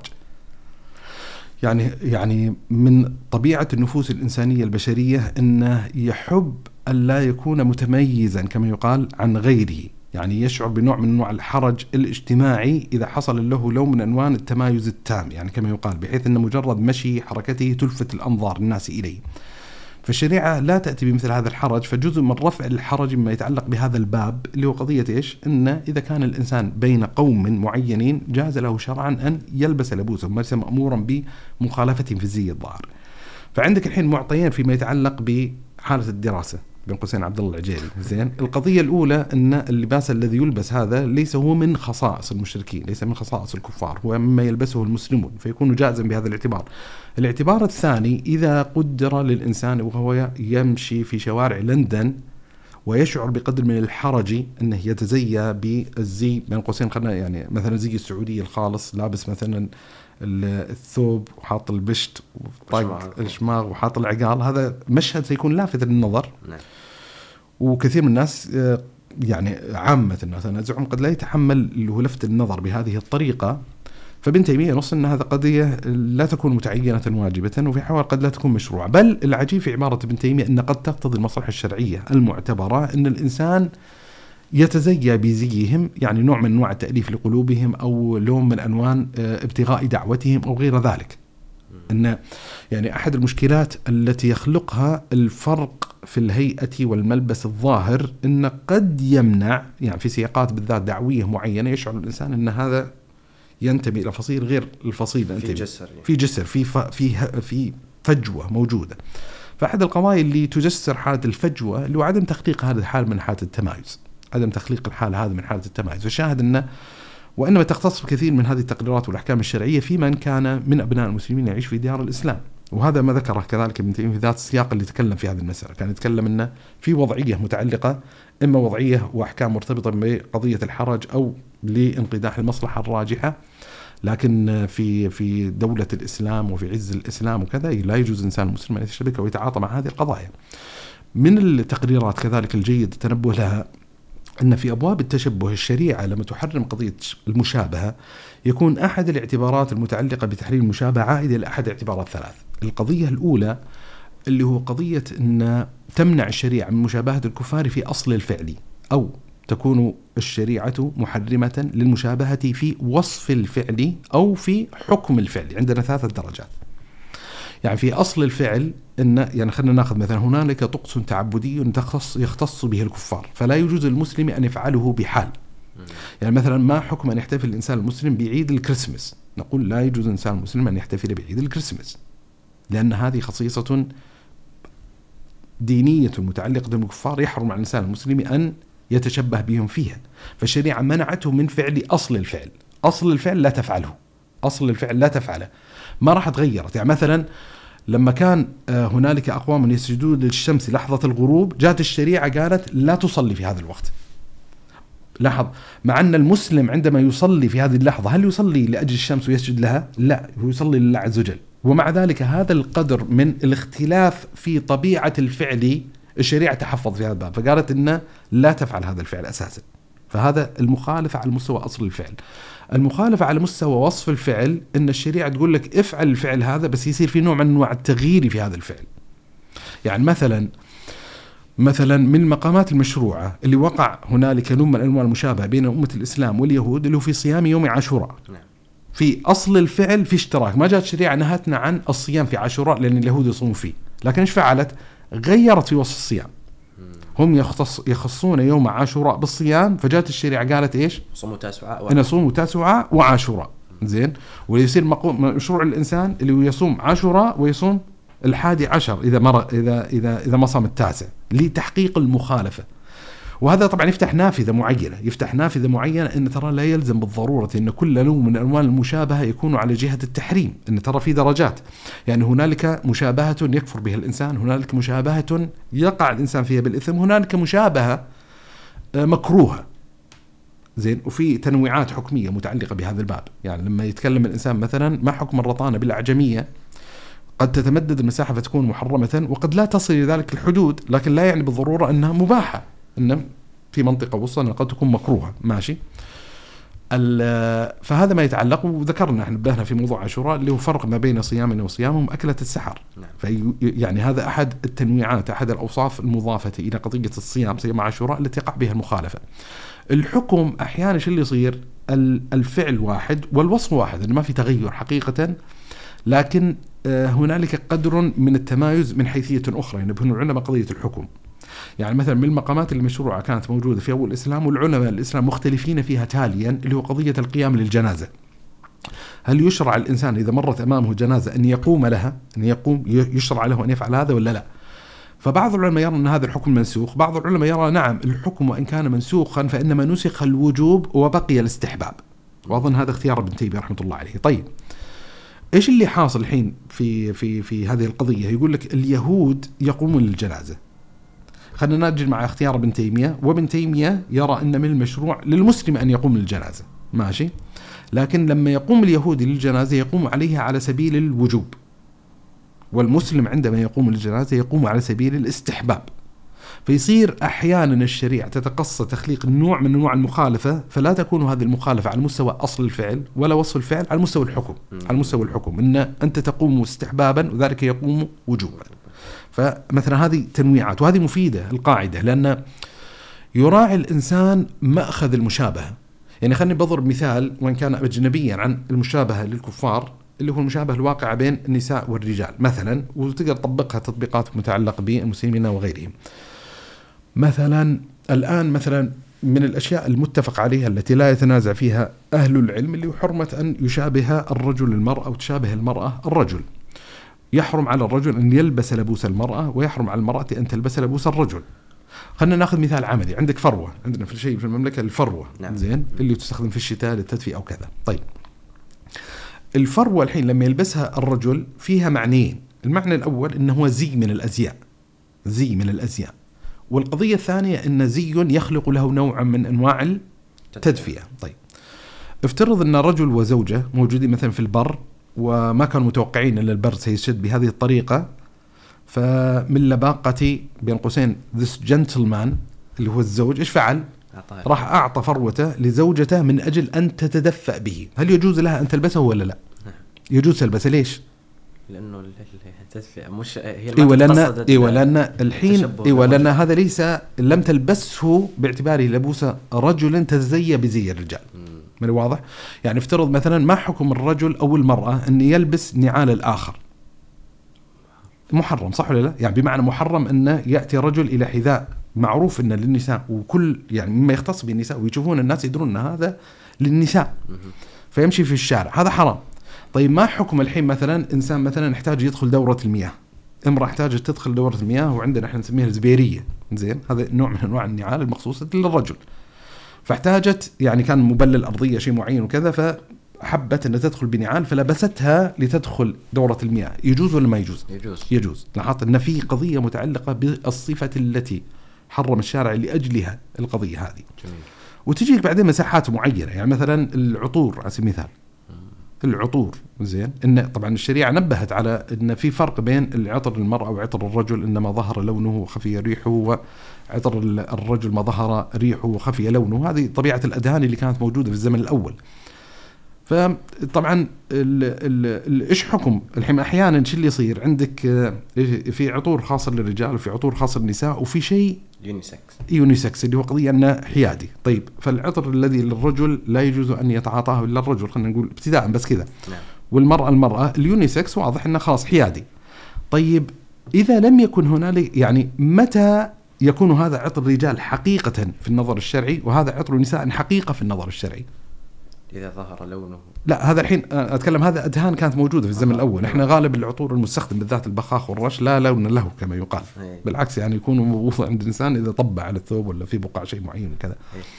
لكن السؤال الحين الحين هل يكون الأحكام الشرعية مرتهنة إلى مجرد ال- التوصيف اللي تضفيه الشركة يعني الشركة في حملات تسويقية معينة تنتج منتج معين فيقول لك إن هذا عطر رجال هذا عطر نساء وهذا unisex انه إنه مثلا حياد الجنس أو أو ثنائي الجنس إنه سواء إنها تلبسه أو تلبسه. طيب إيش معنى uni؟ uni uni اللي هو bi اثنين. و uni واحد فهو يعني يصلح اثنين واحد. طيب اللي اللي أراه والله أعلم ان إن طبعا بحسب الطبيعة العرفية لخلق هذا العطر. يعني بمعنى إيش؟ إذا وضعه الرجل أو أو اذا شم عرف إن هذا هذه الرائحة لا يلبسها للرجال هذه الرائحة لا تلبسها للنساء.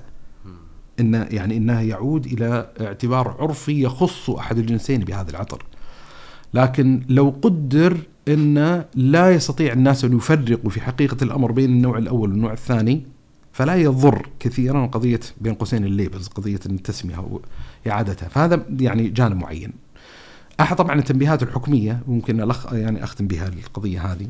وإن كان الشيخ مثلا في كتاب اللي هو يفصل كثير من الأحكام المتعلقة بالتشبه اللي هو أحكام التشبه في الفقه الإسلامي. أظن للشيخ جميل الويحق آه، رسالة علمية آه، مجلد كامل يتكلم فيها في الأحكام الفقهية المتعلقة بهذا الباب. في رسالة صغيرة للشيخ أحمد القاضي في أحكام التشبه آه، أظن بالكفار قد تكون كذلك مفيدة في هذا الباب. لكن آخر آخر قضية ننبه لها من القضايا الحكمية المتعلقة بهذا الباب اللي هو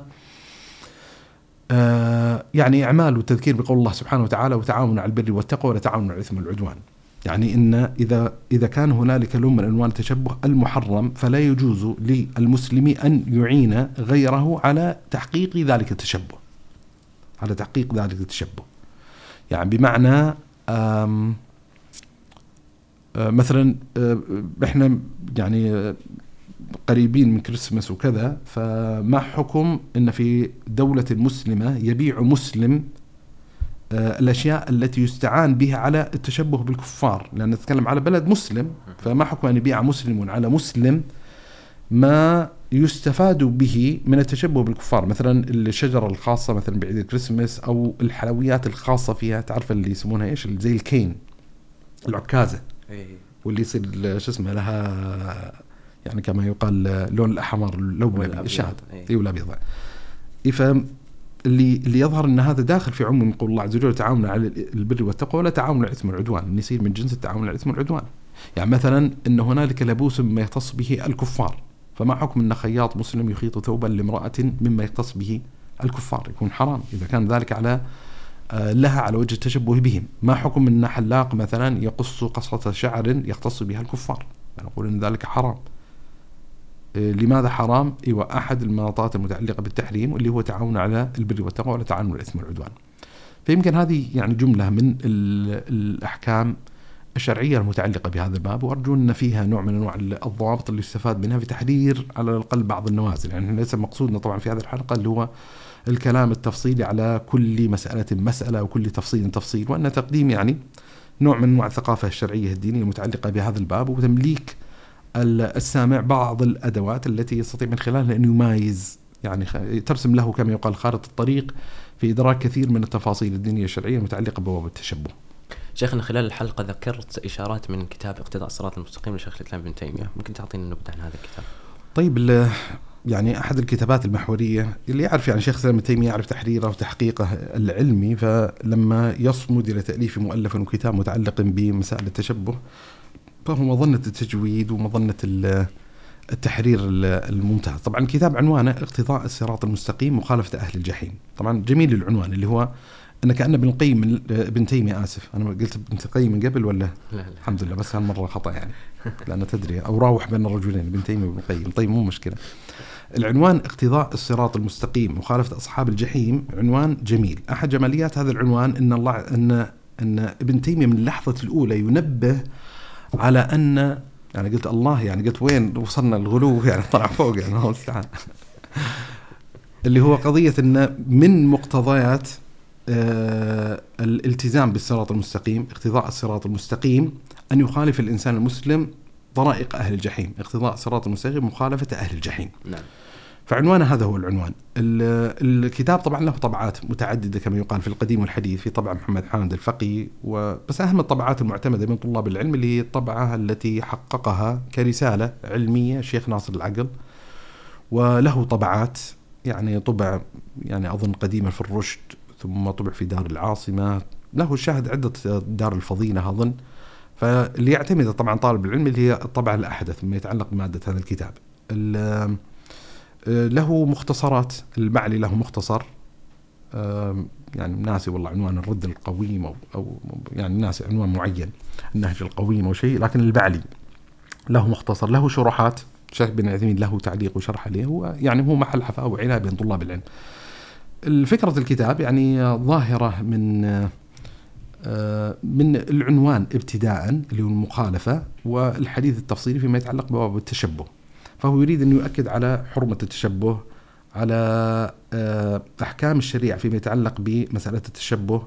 يقدم مادة علمية وافرة جدا يعني استقراء واسعا للأصول والفروع الأدلة العقلية الأدلة النقلية المتعلقة بأبواب التشبه يستوعب جملة من الآثار المتعددة الكثيرة يتكلم على فروع كثيرة جدا. أحد المحاور الأساسية اللي يحاول نعالجها بنتين في هذا الكتاب اللي ما يتعلق بالأحكام المتعلقة بالأعياد. هذه يعني محور آه، حاضر يعني في في مادة هذا الكتاب ولعل أحد البواعث الأساسية لتأليف الكتاب لأن سبحان الله لما يقرأ إنسان كتاب الذهبي ويقرأ كتاب ابن تيمية يدرك أن ابن تيمية قصد معالجة بعض الانحرافات الكثيرة الواقعة في زمانه مما يتعلق بهذه الأبواب.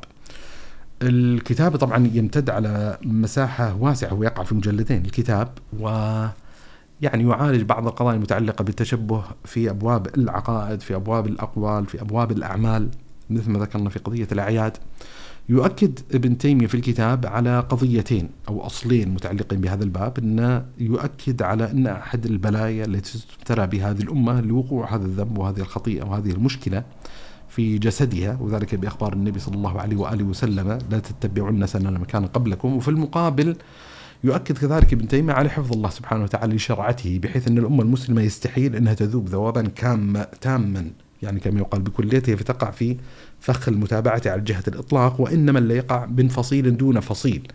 ولذا حتى ورد عن النبي صلى الله عليه وآله وسلم أحاديث تدل على أن لا تزال طائفة من أمتي على الحق ظاهرين. فالشاهد أنه ينبه إلى هذه المسائل. فشاهد أن يعني أحد الكتب الحقيقة اللذيذة والممتعة والجميلة واللي فيها تحقيقات نفيسة يعني آه، علمية نفيسة وعالية جدا لكتاب اقتضاء الصراط المستقيم وخالفة آه، آه، أصحاب الجحيم. ومثل ما ذكرت يمكن ذكرت يعني جملة من مؤلفات الكتب في أثناء الحلقة يستفاد ويستعان يستعان يستعان يستعان بها فهذا اللي يظهر لي يعني على جهة الاختصار ما يتعلق بهذا الكتاب شيخ يبدو أن من النتائج البديهية ولا الطبيعية من كلامك السابق أنه المشاركة في أعياد الكفار حرام نعم. فماذا يمكن نقال في هذا الباب؟ يعني العلماء خصوا موضوع الأعياد بكلام مخصوص خاص لأنه يعني أحد المجالات اللي تقع فيها المشابهة بين المسلمين والكفار كثيرا هذا الباب، يعني أحد الأعراف الاجتماعية الدينية اللي تحصل من كثير من الأمم والشعوب اللي تسرب مضامينها إلى أمم أخرى اللي ما يتعلق بقضية الاعياد فتجد إن في نوع من أنواع الكلام التفصيلي فيما يتعلق بهذه المسألة في القديم والحديث يعني بدءا من زمن صحابة النبي صلى الله عليه وآله وسلم وكيف تناولوا جملة من الآية القرآنية بالتفسير أو رواية حديث النبي صلى الله عليه وسلم أو تقرير بعض الآثار والوصايا والنصائح لأمة الإسلام بدءا من صحابة النبي صلى الله عليه وسلم وتمشي تاليا. يعني مثلا مما يذكره أهل العلم في حرمة مشاركة المشركين في أعيادهم أو غير المسلمين في أعيادهم بطريقة عامة سواء كانوا أهل كتاب ولا مشركين أو أو ملحدين أو أيا كان اللي هو قضية قول الله سبحانه وتعالى والذين لا يشهدون الزور. فتجد أن طائفة المفسرين فسروا الزور بقضية شهود الأعياد. مثلا يعني خليني بأخر أثرين يعني حديثين من أحاديث النبي صلى الله عليه وسلم لغرض في نفسي لكن خليني أذكر بأثرين عن عمر الخطاب صريحين في قضية المنع من المشاركة. إن في حديث مشهور لعمر الخطاب أو أثر اللي هو إياكم ورطانة الاعاجم إنه ينهى عن قضية الرطانة الإنسان يصير في نوع من أنواع الإكثار الفاحش فيما يتعلق باللسان الأعجمي في لسانه. ثم ذكر قال ولا تدخلوا على النصارى على عليهم في كنائسهم يوم عيدهم فإن السخطة تنزل عليهم. اللي هو قضية إن نهى عن قضية الرطانه مشابهتهم في لسانهم ونهى عمر الخطاب رضي الله عنه وأرضاه كذلك في في قضية الدخول عليهم يعني نوع من أنواع المشاركة في الكنائس يوم عيدهم لأن سخطة الله سخط الله عز وجل ينزل عليهم. وورد أثر عن عمر الخطاب رضي الله عنه من بنى بلاد العاجم، يعني أنه يشير إشارة عمر الخطاب إلى قضية الإقامة في بلاد الكفار، ماشي؟ ثم صنع نيروزهم، والنيروز هو أحد الاعياد الفارسية ومهرجانهم، وهو كذلك عيد من اعياد المجوس أن فيقول عمر من بنى ببلاد العاجم، يعني أقام فيها، ثم صنع نيروزهم، ثم وصنع مهرجانهم. وتشبه بهم حتى يموت حشر معهم يوم القيامة. فتدل على إن في قدر من الخطورة المتعلقة بالموضوع هذا. طبعا في من الأحاديث المهمة جدا المتعلقه بهذا الباب حديثين، في حديث يدل على حرمة اتخاذ يعني حرمة ارتياد أماكن أعاد أعياد الكفار. وهو ورد في حديث إن أحد صحابة النبي صلى الله عليه وسلم أتى النبي صلى الله عليه وسلم فقال إني نذرت أن أنحر ابلا ببوانة. إني أنحر إبل في مدينة أو منطقة معينة اسمها بوانة. فقال النبي صلى الله عليه وسلم أكان فيها وثن يعبد فقال الرجل لا قال أفيها عيد من أعياد المشركين؟ قال لا قال فافعل. فمعناته أن, أن إذا في منطقة مقصودة كعيد يجتمع فيه المشركين يحرم على الإنسان المسلم أن يرتاده. العيد الزماني وهو الأكثر حديث يعني محورية في هذا أن النبي صلى الله عليه وسلم لما قدم على المدينة وجد الأنصار لهم يومان يلعبون فيهما. إن لهم يومين يلعبون مقصود بإشارة اللعب اللي قضية إن عندهم يومين هي من قبيل الأعياد أعيادهم ان صح التعبير. فقال لهم النبي صلى الله عليه وسلم إن الله عز وجل قد أبدلكم خيرا منهما عيد الفطر وعيد الأضحى. إن كان عندهم أعيادهم خلينا نقول القومية أو الشعبية ايا كان فاستبدلها الشارع بأعياد أخرى للمسلمين. ماشي؟ نعم. فميزة هذا الحديث إنه إنه يعني كأن فيه إشارة على أن ينبغي على المسلمين أن يقتصروا في أعيادهم على عيدين. وهنالك ما يساعد عليه من جهة النظر يعني قضيتين. القضية الأولى أن من المقاصد الشرعية المتعلقة بأعياد المسلمين لتوفير الفرحة والبهجة في هذين العيدين بحيث أن ما يتم مزاحمتها بأعياد أخرى. يعني أحد المشكلات اللي تحصل مع تكاثر الأعياد في حياة المسلمين أن مع كثرة هذه الأعياد يقع الإنسان المسلم في مشكلتين المشكلة الأولى اللي مشكلة المشابهة. طبعا ويتعاظم المشكلة ويتعاظم المفسدة إذا كان العيد من قبيل الأعياد الأعياد الدينية. طبعا يصير مشكلة يعني عائدة إلى قضية ما يختصون به هذه قضية واضحة. لو قدر خروج ذلك عن هذا الإطار فعندك مشكلة اللي هو قضية أن من سنة يعني المشركين غير المؤمنين في هذا الزمان اللي هو قضية التكثر من الأعياد والمناسبات والاحتفالات هذه الكثرة مع الزمن تنعكس سلبا على حالة الفرح الفرحة والبهجة والخصوصية المتعلقة بأعياد المسلمين العيد الفطر وعيد الأضحى. بل حتى أحد المفاسد يحتاج إلى سد قناتها وذريعتها أن قد يحصل واقعا يعني إذا هنالك نوع من أنواع الرغبة الاجتماعية أو الرغبة الاقتصادية والرغبة السياسية لتفخيم ما يتعلق بأحد الأعياد غير العيدين بحيث إنه يصير إقبال المسلمين على الفرحة والابتهاج لما يقع في ذلك العيد أعظم حتى من الفرحة الواقعة فيه العيد اللي أمر الله عز وجل بالفرح فيه اللي هو عيد الفطر أو عيد الأضحى. فهذا ملحظ يحتاج الإنسان أن يلاحظه ويدركه، وبالتالي أحد المشكلات الحقيقية المتعلقة مثلا لما يتكلم الإنسان عن عن الاحتفالات مثلا في الكريسماس على سبيل المثال أو في الزمن الماضي المهرجان أو النيروز أو يعني حتى الأعياد القائمة الموجودة اليوم موضوع الهالوين ولا عيد الحب ولا عيد رأس السنة الميلادية أو أو, أو من الأعياد إنها لا تخلو من عدة مفاسد. يعني أول شيء إن المسلم مأمور شرعا بالالتزام بالأعياد التي جعلها الله عز وجل له.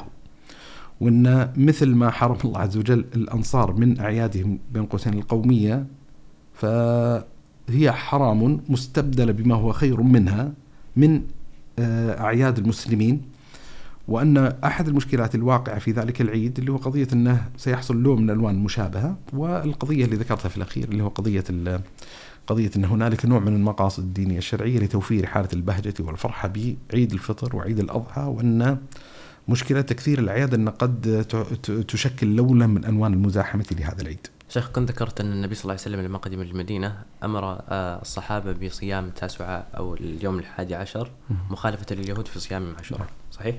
فهل يمكن أن يقال هذا مثلا في آه، الاحتفال بكريسماس؟ ممكن واحد يطرح هذا التساؤل نقدم شوية أو نأخر ونحتفل عادي. طيب يعني طبعا يعني أحد القضايا اللي يراعيها الإنسان أصلا في التعاطي مع الأحكام الدينية الشرعية اللي هو ضرورة عدم التحايل على نص الشارع زين؟ وأن مقامات التحايل أحيانا قد تكون أكثر خطورة من الوقوع في الذنب والمعصية بشكل مباشر وأحد القضايا اللي ذم الله عز وجل اليهود ومسخهم قرد والخنازير اللي هو مشكلة الحيلة مشكلة الحيلة ال- طبعا إحنا قررنا أحد القواعد اللي ممكن تغطي هذه المساحة اللي هو قضية إن الشريعة قد تنهى عن أصل الفعل يعني من جهة المشابهة أو تغير في وصفه أو تغير في حكمه. وبالتالي إذا نظر الإنسان في التنويعات فاللي يظهر ان هي داخلة في النص الأول. يعني عرفت الحين اللي حصل إن الشريعة لا تريد منك إحداث هذا العيد أصلا في الكريسماس. ولو جوزت الشريعة لفتحت كلام المجال لتغيير وصفه بالتقديم أو التأخير، لكن هي لا تريد منك التعاطي مع أصله. وأي عاقل ينظر في الموضوع لموضوع التقديم اللي حاصل. يعني خلينا بس نبسط الموضوع أن آه، رب أسرة مع عائلته مصرين إلا على إقامة الكريسماس في بيتهم فيقولون لن نريد موافقة اللي هو في ال 25 من ديسمبر بنقدم مثلا نخليه في 20 ديسمبر. لكن كل ناظر الواقع يدرك إن إنما أقاموه السبب الباعث اللي هو الاحتفال بالكريسماس. وهذا معنى نص عليه ابن تيمية في اقتضاء الصراط المستقيم. فالشريعة إذا لم ترغب منك في إحداث لون من ألوان المشابهة في أصل الفعل فلا يصح لك أن تتحايل على نص الشارع بإحداث فرق في وصفه أو إحداث فرق في حكمه. فليظهر أن لا يختلف الحكم شرعيا في تقديمه شيئا يسيرا أو في تأخيره شيئا يسيرا أو في تقديم شيء كثيرا أو في تأخير شيء كثيرا. حسن الله عليك شيخي. ممكن يقول سائل أنا عايش في بيئة بريطانية غربية وجاري عنده يحتفل بالكريسماس. من باب الدعوة وتأليف القلوب أنا بهديه هدية. جميل. ما حكم هذا؟ طيب أنا قلت جميل بس هو ليس جميل. ال ال طبعا إذا يبي يغطي الإنسان الأحكام المتعلقة بموضوع التهادي حتى الاحتمالات العقلية الممكنة فعندك ثلاث أشياء. الشيء الأول إما أن يعطي المسلم الكافر الهدية أو يأخذ منه الهدية أو يقع تهاد في هذا اليوم بين المسلمين. هذه مثلا الاحتمالات اللي ممكنة. فيما يتعلق بقضية إعطاء الكافر هدية فليظهر يعني خلينا نقول من جهة التقرير الحكم الأصلي إنه جائز ومشروع زين سواء على جهة الإعطاء أو الأخذ. يعني إعطاء الكافر. هدية أو الأخذ من الكافر هدية. أنا أتكلم من ناحية تقرير الأصل الحكم أشوفكم متفاجئ لا هو الأصل الحكم خارج كريسماس ما له علاقة الحين طيب. بموضوع العيد. آه، ولذا مثلا ثبت عن عمر الخطاب رضي الله عنه وأرضاه أن أعطى أحد إخوته من المشركين حلة وهو في مكة أهداه إياها والنبي صلى الله عليه وسلم قبل هدية المقوقس. وطبعا في نقاش فقهي فيما يتعلق مع النصوص الشرعية وأن الأظهر أنها نسخت بجواز قبول الهدية. وفي يعني فيها أحاديث وآثار تدل على هذه المسألة. هذا من جهة تقرير الحكم الشرعي. وأن منطقة المسلمين تهادوا وتحابوا وان احد ادوات زرع الوفاق والمحبة والألفة بالمؤمنين هذا. في خصوص يوم ال ال العيد لا يجوز للانسان المسلم أن يهدي الكفار في يوم العيد. يعني يعني هو لون من ألوان المشاركة. يعني يعتبر عمليا لون من ألوان المشاركة أن تهديه هدية في هذا اليوم. ولذا هو محرم يعني بالاتفاق وبالإجماع وليس موضعا اشكاليا انه يحرم أن يفعل الإنسان المسلم هذا الفعل. اللي حاصل طبعا يحتاج إلى تأمل ونظر فقهي خصوصا في ظل الآثار اللي وارده في هذا الباب اللي ما حكم أن يقبل المسلم هدية من الكفار في يوم عيدهم. يعني مثلا جالس هو في بيته ليس محتفلا ما له علاقة بقضية معينة آه، أعدوا ال- الكفار إن صح تعبير مثلا كيكة ولا قطعة شيء معين وكذا فجابوا له مثلا قطعة من هذه الكيك هل يجوز شرعا ان ياكلها ولا لا يجوز شرعا ان ياكلها فلينظر في طبيعة الآثار اللي وردت عن صحابة النبي صلى الله عليه وسلم وجد ان كانوا قبلوا الهدايا في أيام أعياد المشركين يعني مثلا علي بن طالب رضي الله عنه وأرضاه ورد عنه وهذا ابن تيمية ناقش المسألة في الاقتضاء وحكى جملة من الآثار يعني وجد عن علي بن أبي طالب رضي الله عنه وأرضاه أن أهدي إليه في يوم عيد فقبله اللي هو في يو- يوم النيروز. مثلا سئلت عائشة أم المؤمنين رضي الله عنها أن لنا اضارا من المجوس، الاضار اللي هي المرضعة من المجوس. وإنهم يهدون لنا في يوم نوروزهم أو عيدهم فقالت عائشة ما كان من ذبائحهم فلا. يعني إذا ذبحوا ذبيحة لأجل يوم العيد فلا يجوز للمسلم أن يأكل هذه الذبيحة حتى لو كان من كتابين بطبيعة الحال. وال شو اسمه واما ما كان من أشجارهم يعني من قبيل الفاكهة إذا اهدوك اياه فنعم. طبعا مساله المجوس لا تشكل لأن يعني محل خلاف بين العلماء في قضية هل ملحقين بأهل الكتاب وملحقين بأهل الكتاب هي مسألة فقهية. في أظن بعد رواية عن أبو برزة رضي الله عنه وأرضاه تدل على نفس المسألة اللي هو موضوع هدايا الكفار في يوم اعيادهم إن فرق بين ما كان ذبيحة وما كان فاكهة.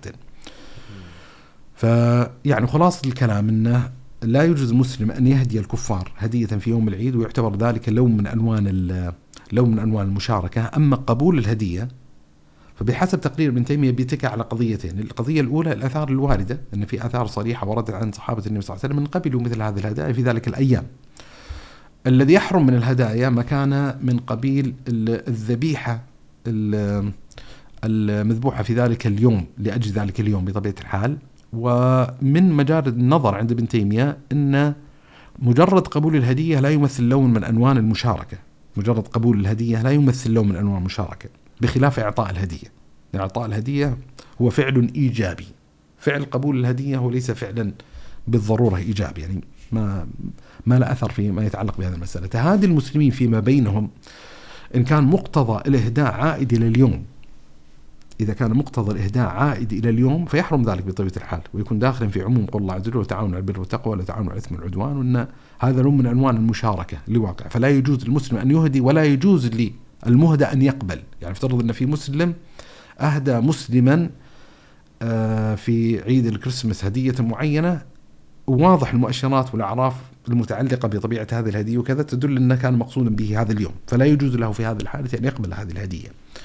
أما أما إذا لم يكن يعني إذا وقع مصادفة. م- يعني يعني مثلا افترض أن امرأة زارت أختا لها في الله عز وجل ليس يعني ما خطر يمكن حتى ما جار على بالها ولا جرى على زائرتها ان إن موضوع اليوم كان يوم كريسماس وإن هي معتادة. إذا ذهبت إليهم إن تأخذ معها حلويات ولا تأخذ شيء معين شاكلت ولا شيء معين تهديهم اياه ففي هذه الحالة آه، يكون ذلك جائز يعني شاهد خروج الإنسان عن طريقته المعتادة في تقديم هدية في يوم ليس معتادا أن يقدم الهدية فيه سيكون هذا الأمر حرام. فهذا يعني باختصار يعني ما يتعلق بموضوع التهادي.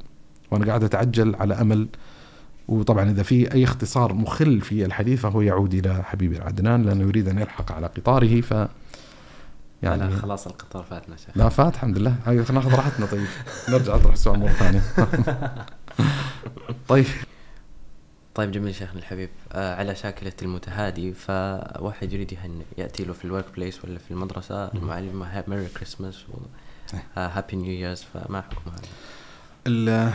ال- التهنئة كذلك داخلة في نوع من انواع المشاركة يعني ليست موضعا اشكاليا يعني كما يقال. يعني هو الفكرة الأساسية أن لا يصح الإنسان المسلم أن يقدم لون من انواع المشاركة في يوم العيد إذا لم يكن عيدا اسلاميا. والعبارات الأئمة المتعلقة بهذا الباب يعني بينه واضحة. طبعا في من العبارات ال- اللي محل تداول عريض بين طلاب العلم عبارة لابن القيم رحمة الله عليه يعني في احكام أهل الذمه ويعني عبارات الأئمة يعني كما يقال متعددة وبالمناسبة يعني آه، ما ذكرناه في موضوع التهادي أصلا إذا رجع الإنسان المدون الفقهية والمذاهب الفقهيه المتبوعة سيجد إن عندهم تنصيصات تقريرات ما يتعلق بهذه المسألة. حتى إن بعضهم قد قد لساني حكاية خلاف في هل يصل بالإنسان حد الكفر أو ليس بالكفر، لكن خلينا نرجع لموضوع التهنئة وعبارة ابن القيم. ابن القيم في احكام الذمه له نص يعني متداول. ومهم جدا ولا يستطيع الإنسان يطرح موضوع التهنئة ويتجاوز هذا النص المشهور اللي هو لما يقول فيه واما تهنئته المشركين بأعيادهم المختصة بهم فلا شك في حرمته فلا شك في حرمته. مثل أن يقول له تهنأ بهذا العيد أو عيدكم مبارك وغير ذلك. العبارة العجيبة اللي قالها ابن القيم قال فهذا إن سلم صاحبه من الكفر. قال فهذا إن سلم صاحبه من الكفر فهو يعني كتهنئته بسجوده للصليب. يعني ابن القيم بيضع المسألة يوضحها. يقول أن هذا العيد يعني مثلا نأخذ عيد الكريسماس هو عيد ميلاد الرب. إنه هو اليوم الذي ولد فيه الله.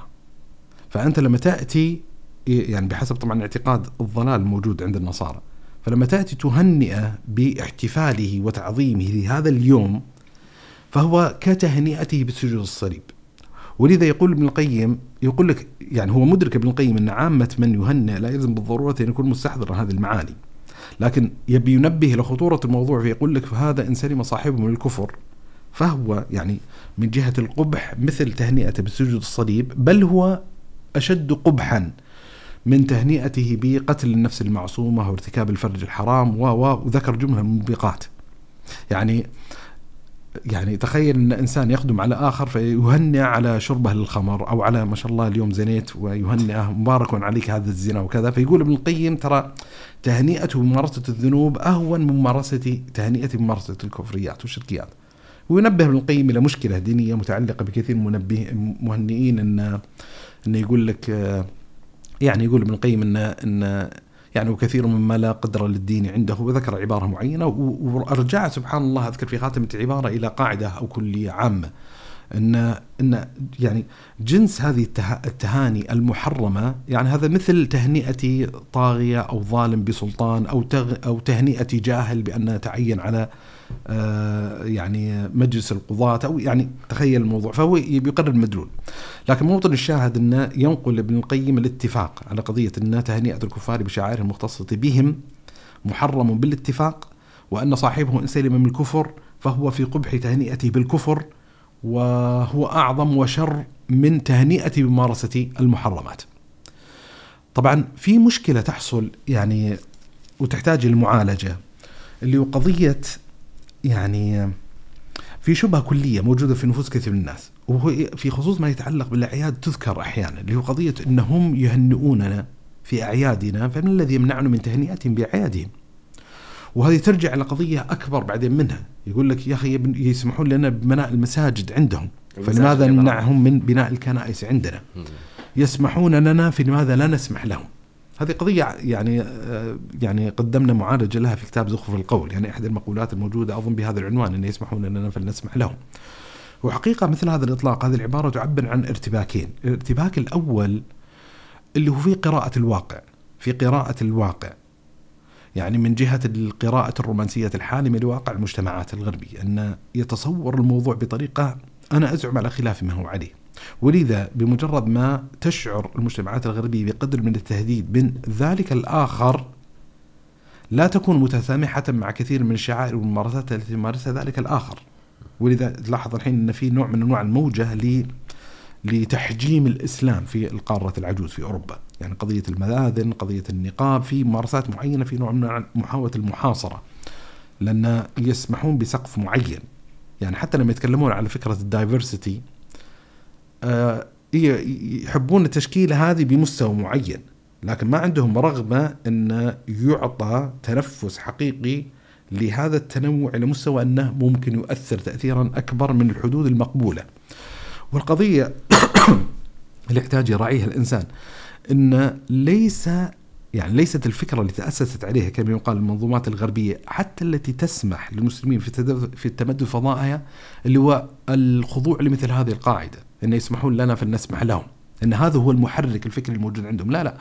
هم يحركهم فكرة كما يقال الفكرة الليبرالية اللي هو قضية فتح المجال للكل. في يعني في معطى آخر مش القضية إنها مبنية على توهمات العدالة انه يعني إنهم مضطردين مع مفهوم العدل بحيث انه يعني عامل الناس مثل ما تحب أن تعامل. فهذا هو القانون الكلي.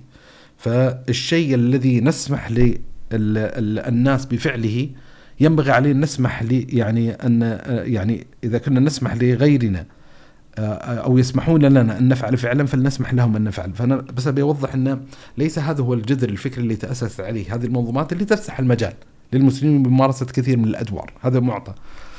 وأن هذا نوع من أنواع التشوه. أنا أزعم في في تصور العدل والمقابلة يعني كما يقال بال بالمثل. لأنه يتغافل عن حقيقة مهمة جدا متعلقة في هذا الباب اللي هو التغافل عن مقام الحق وقدسية الحق.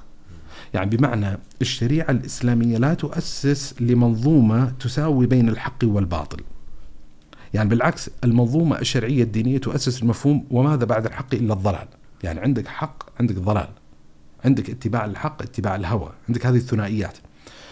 فالشريعة الإسلامية لا تعطي حقوقا للحق من جنس حقوق الباطل. يعني كما يقال أن لا يعطى الباطل حق الحق في الانتشار في الذيوع. وبالتالي في التصور الديني الشرعي الإسلامي لا معنى لهذا التقرير. يعني لا معنى لتقرير أن إذا سمح لنا مجتمع ما للدعوة للإسلام فيجب علينا أن نسمح لهم للدعوة للكفر فالشريعة تقول لا هذا من قبيل الحق. الذي ينبغي أن ينتشر في الأرض وذلك من قبيل الباطل الذي يجب أن يحجم في الأرض إن مختلفة المعادلة وبالتالي في نوع من أنواع التغافل على المرجعية التي ينبغي على الإنسان المسلم أن يتحاكم إليها فيما يتعلق بين قوسين منظومات العدل وموقوفات الفضل، يعني بمعنى ليس الباب مغلقا بالكلية بمقابلة الإنسان بمثل ما يقابلون به. يعني مثلا يقول الله سبحانه وتعالى وإذا حييتم بتحية فحيوا بأحسن منها أو ردوها. وبالتالي إذا يعني مثل ما قال ابن عباس لو سلم علي فرعون يعني فرعون قال لي السلام عليكم لرددت عليه وعليكم السلام. اللي هو هذا مقتضى العدل ومقتضى الفضل اللي هو الزيادة عليه. طيب. فإذا يعني الضابط المتعلق بالباب إذا لم يوجد في شرعتنا شيء يمنع إذا لم يوجد في شرعتنا شيء يمنع من المقابلة بالمثل قابلناهم بالمثل. بل تجاوزنا المثل إلى تقديم الإحسان. لا ينهاكم الله عن الذين يقاتلكم في الدين ويخرجكم من دياركم أن تبروهم وتقسطوا إليهم. الله يحب, يحب المقسطين. ف فموجود عندنا. لكن المشكلة الحين الموجودة المشكلة الموجودة إذا تعارض ذلك المثل مع المرجعية الدينية. وجد في شرعتنا شيء يمنعنا من بذله وتقديمه. بذله وتقديمه. فهل يجوز لنا شرعا أن نبذله؟ نقول لا ما يجوز شرعا. يعني مثلا هم يسمحون لنا بالدعوة إلى التوحيد فلنسمح لهم أن يدعونا إلى التثليث إلى الشرك. فنقول لا المرجعية الحاكمة لنا ليست المنظومة بين قوسين الليبرالية ليست المنظومة اللي تسمح للكل بأن يتحرك بل المنظومة الحاكمة لنا هي منظومة تؤسس لشرائع كلية وتحت الشرائع الكلية شبكة من التشريعات الجزئية التي يمايز الشارع بين الحق والباطل. ولذا حتى أحد الخلاصات الدينية الشرعية الإسلام يعلو ولا يعلى عليه. أن في أحكام تتعلق بالإسلام في أحكام تتعلق بالكفر. وحتى على مستوى الاعتقاد على مستوى الأقوال على مستوى الأفعال في تمايزات بين الأحكام المناطة للحق والأحكام المناطة للباطل. فهذا بعد يحتاج يراعيه الإنسان. فلما يتكلم الإنسان على قضية التهنئة القضية منخرطة في هذا الإطار، يعني هم يهنئون بأعيادنا، في سير الموقف الشرعي نعم هم يهنئونك بحق فلا يجوز لك شرعا أن تهنئهم بباطل, بباطل. فخلاصة الكلام يعني مثل ما ذكرنا إن من مواضع الاتفاق من مواضع الاتفاق بين أهل العلم اللي هو قضية حرمة تهنئة الكفار بأعيادهم، طيب لماذا يحرم ذلك؟ لأن ذلك من قبيل تهنئة بشعائر الكفر المخصصة بهم. وهذا أمر خطير جدا محرم. فضوء مرجعيتنا يحرم بذله بين قوسين إن تجوزنا هذا الإحسان إليهم. ما يجوز لي إني أبذله. لو لم يوجد شيء في شرعتي يمنع ذلك لما منعته؟ طيب لو قدر إن إنسان بعد هذه المحاورة والمناقشة قال لكني لا أعتقد المنع منه أصلا. يعني خليني اوضحها بالطريقة الآتية. وهذه يعني كذلك مفيدة. دخل شيء بشيء. أحد القضايا الغريبة اللي نسبت للشيخ سلام بن تيمية لتجويز تهنئة الكفار بأعيادهم. هذا نسب اختيارا إلى ابن تيمية. وذكرت يعني أسماء معينة وكتبت مقالات في تقرير هذه المسألة. الحاصل ابن تيمية رحمة الله تبارك وتعالى عليه ناقش مسألة وحكى فيها اتجاهات علمائية في هذه القضية ويستطيع الإنسان العودة إلى الكتب الفقهية والأحكام اللي ألفت في موضوع التهاني والتهنئة يجد بعض التفصيلات المتعلقة بها. ما حكم أن يهنئ المسلم الكافر بإطلاق الحين؟ يعني بمعنى افترض أن في كافر تخرج من الجامعة، في كافر ولد له. ما حكم أن يعزي المسلم الكافر؟ جائز. فابن تيمية من ضمن التقريرات اللي قررها إنه يجوز هذا. يعني لو آه، مثلا رزق بالطفل الكافر لو دخل عليه مال رزق بوظيفة معينة تخرج نجح من جامع أيا كان فهل يجوز شرعا أن يهنأ لا يجوز شرعا أن يهنأ فنقول لك طيب ما هو الدليل الشرعي المانع؟ ما هو الدليل الشرعي المانع؟ هل هذا من الإحسان الذي يجب أو يحسن أن يقابل بإحسان؟ هل هذا داخل في عموم قول الله عز وجل لا ينهاكم الله عن الذين لم يقاتلوكم في الدين ولم يخرجوكم من دياركم أن تبروهم وتقسطوا إليهم إن الله يحب المقسطين؟ فنقول لك نعم أنا المرجع عندي اختيار ابن تيمية. يجوز يجوز هذا لا بأس فيه ولا مشكلة ولا يوجد في مرجعيتنا ما يمنع منه. حلو؟ صار الحين اللخبطة اللي حصلت فتوهم بعضهم ما أدري بحسن قصد أو سوء قصد فنسبوا إلى ابن تيمية اللي هو تجويز تهنئتهم بشعائر الكفر المختصه بهم اللي حكى ابن القيم تلميذه الاتفاق والإجماع وغلظ وشدد. ولا يتصور أن موقف التلميذ في هذه المسألة مخالف لموقف الشيخ لحكاية الاجتماع لحكاية الاتفاق. فالشاهد ان أن نسبة هذا المذهب لا يوجد. يعني اللي يرجع لكلام ابن تيمية رحمة الله عليه كلامه صريح في تحريم التهنئة بقضية الأعياد وكلامه رحمة الله عليه صريح في التهنئة ب يعني بالقضايا العادية إن صح التعبير بالأشياء بالنجاحات الشخصية بما يتعلق بهذا الفضاء.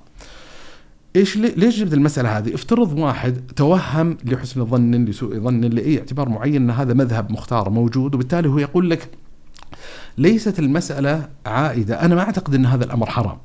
أنا لا أعتقد يعني إن هذا اللون من أنوان الإحسان اللي هو بذل التهنئة لمن هنأني إنه حرام أصلا بحيث تمنعني منه.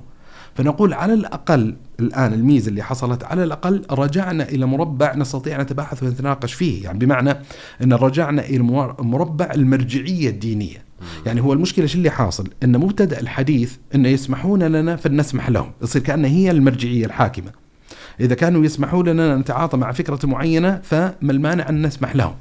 فنقول إن هذه القاعدة يجب أن تحكم تكون محكومة بمرجعية أخرى، فإذا قال أنا لا أرى حرمة التهنئة أصلا في ضوء المرجعية التي أتبناها، فنقول على الأقل جميل، الحين خلاص حيدنا القاعدة المنحرفة، القاعدة اللي خارجه أصول الشريعة إلى مناقشة الموضوع، انه يلا أنا بحاول أعرض عليك الأدلة تدل على تحريم هذه المسألة في ضوء المرجعية ويصير نحن نتناقش في ضوء دائرة المرجعية الدينية. والذي أزعم أنه مثل ما ذكر ابن القيم أنه مواضع الاتفاق والإجماع. فخلاصة الكلام ان أن لا يصح للإنسان المسلم أن يبذل حقوق الحق للباطل. فإذا كانوا يهنئوننا شوف يهنئوننا في يوم نفرح فيه بعبوديتنا لله سبحانه وتعالى فلا يصح لنا أن نبذل ما نت... يعني يتوهم بعض المسلمين أنه لون من انوان الإحسان، لون من انوان اللباقة، لون من انوان اللطف في في في يوم يشركون فيه بالله سبحانه وتعالى. والله أعلم. جزاكم الله خير شيخنا الحبيب على هذا الحوار الماتع نسأل الله سبحانه وتعالى أن يجعلنا ممن تهنئهم الملائكة بقولهم ادخلوا الجنة لا خوف عليكم ولا أنتم تحزنون. جزاك الله خير. ونراكم في لقاءات مقبلة بإذن الله. أكرمك الله وبارك فيك. جزاك الله خير. الله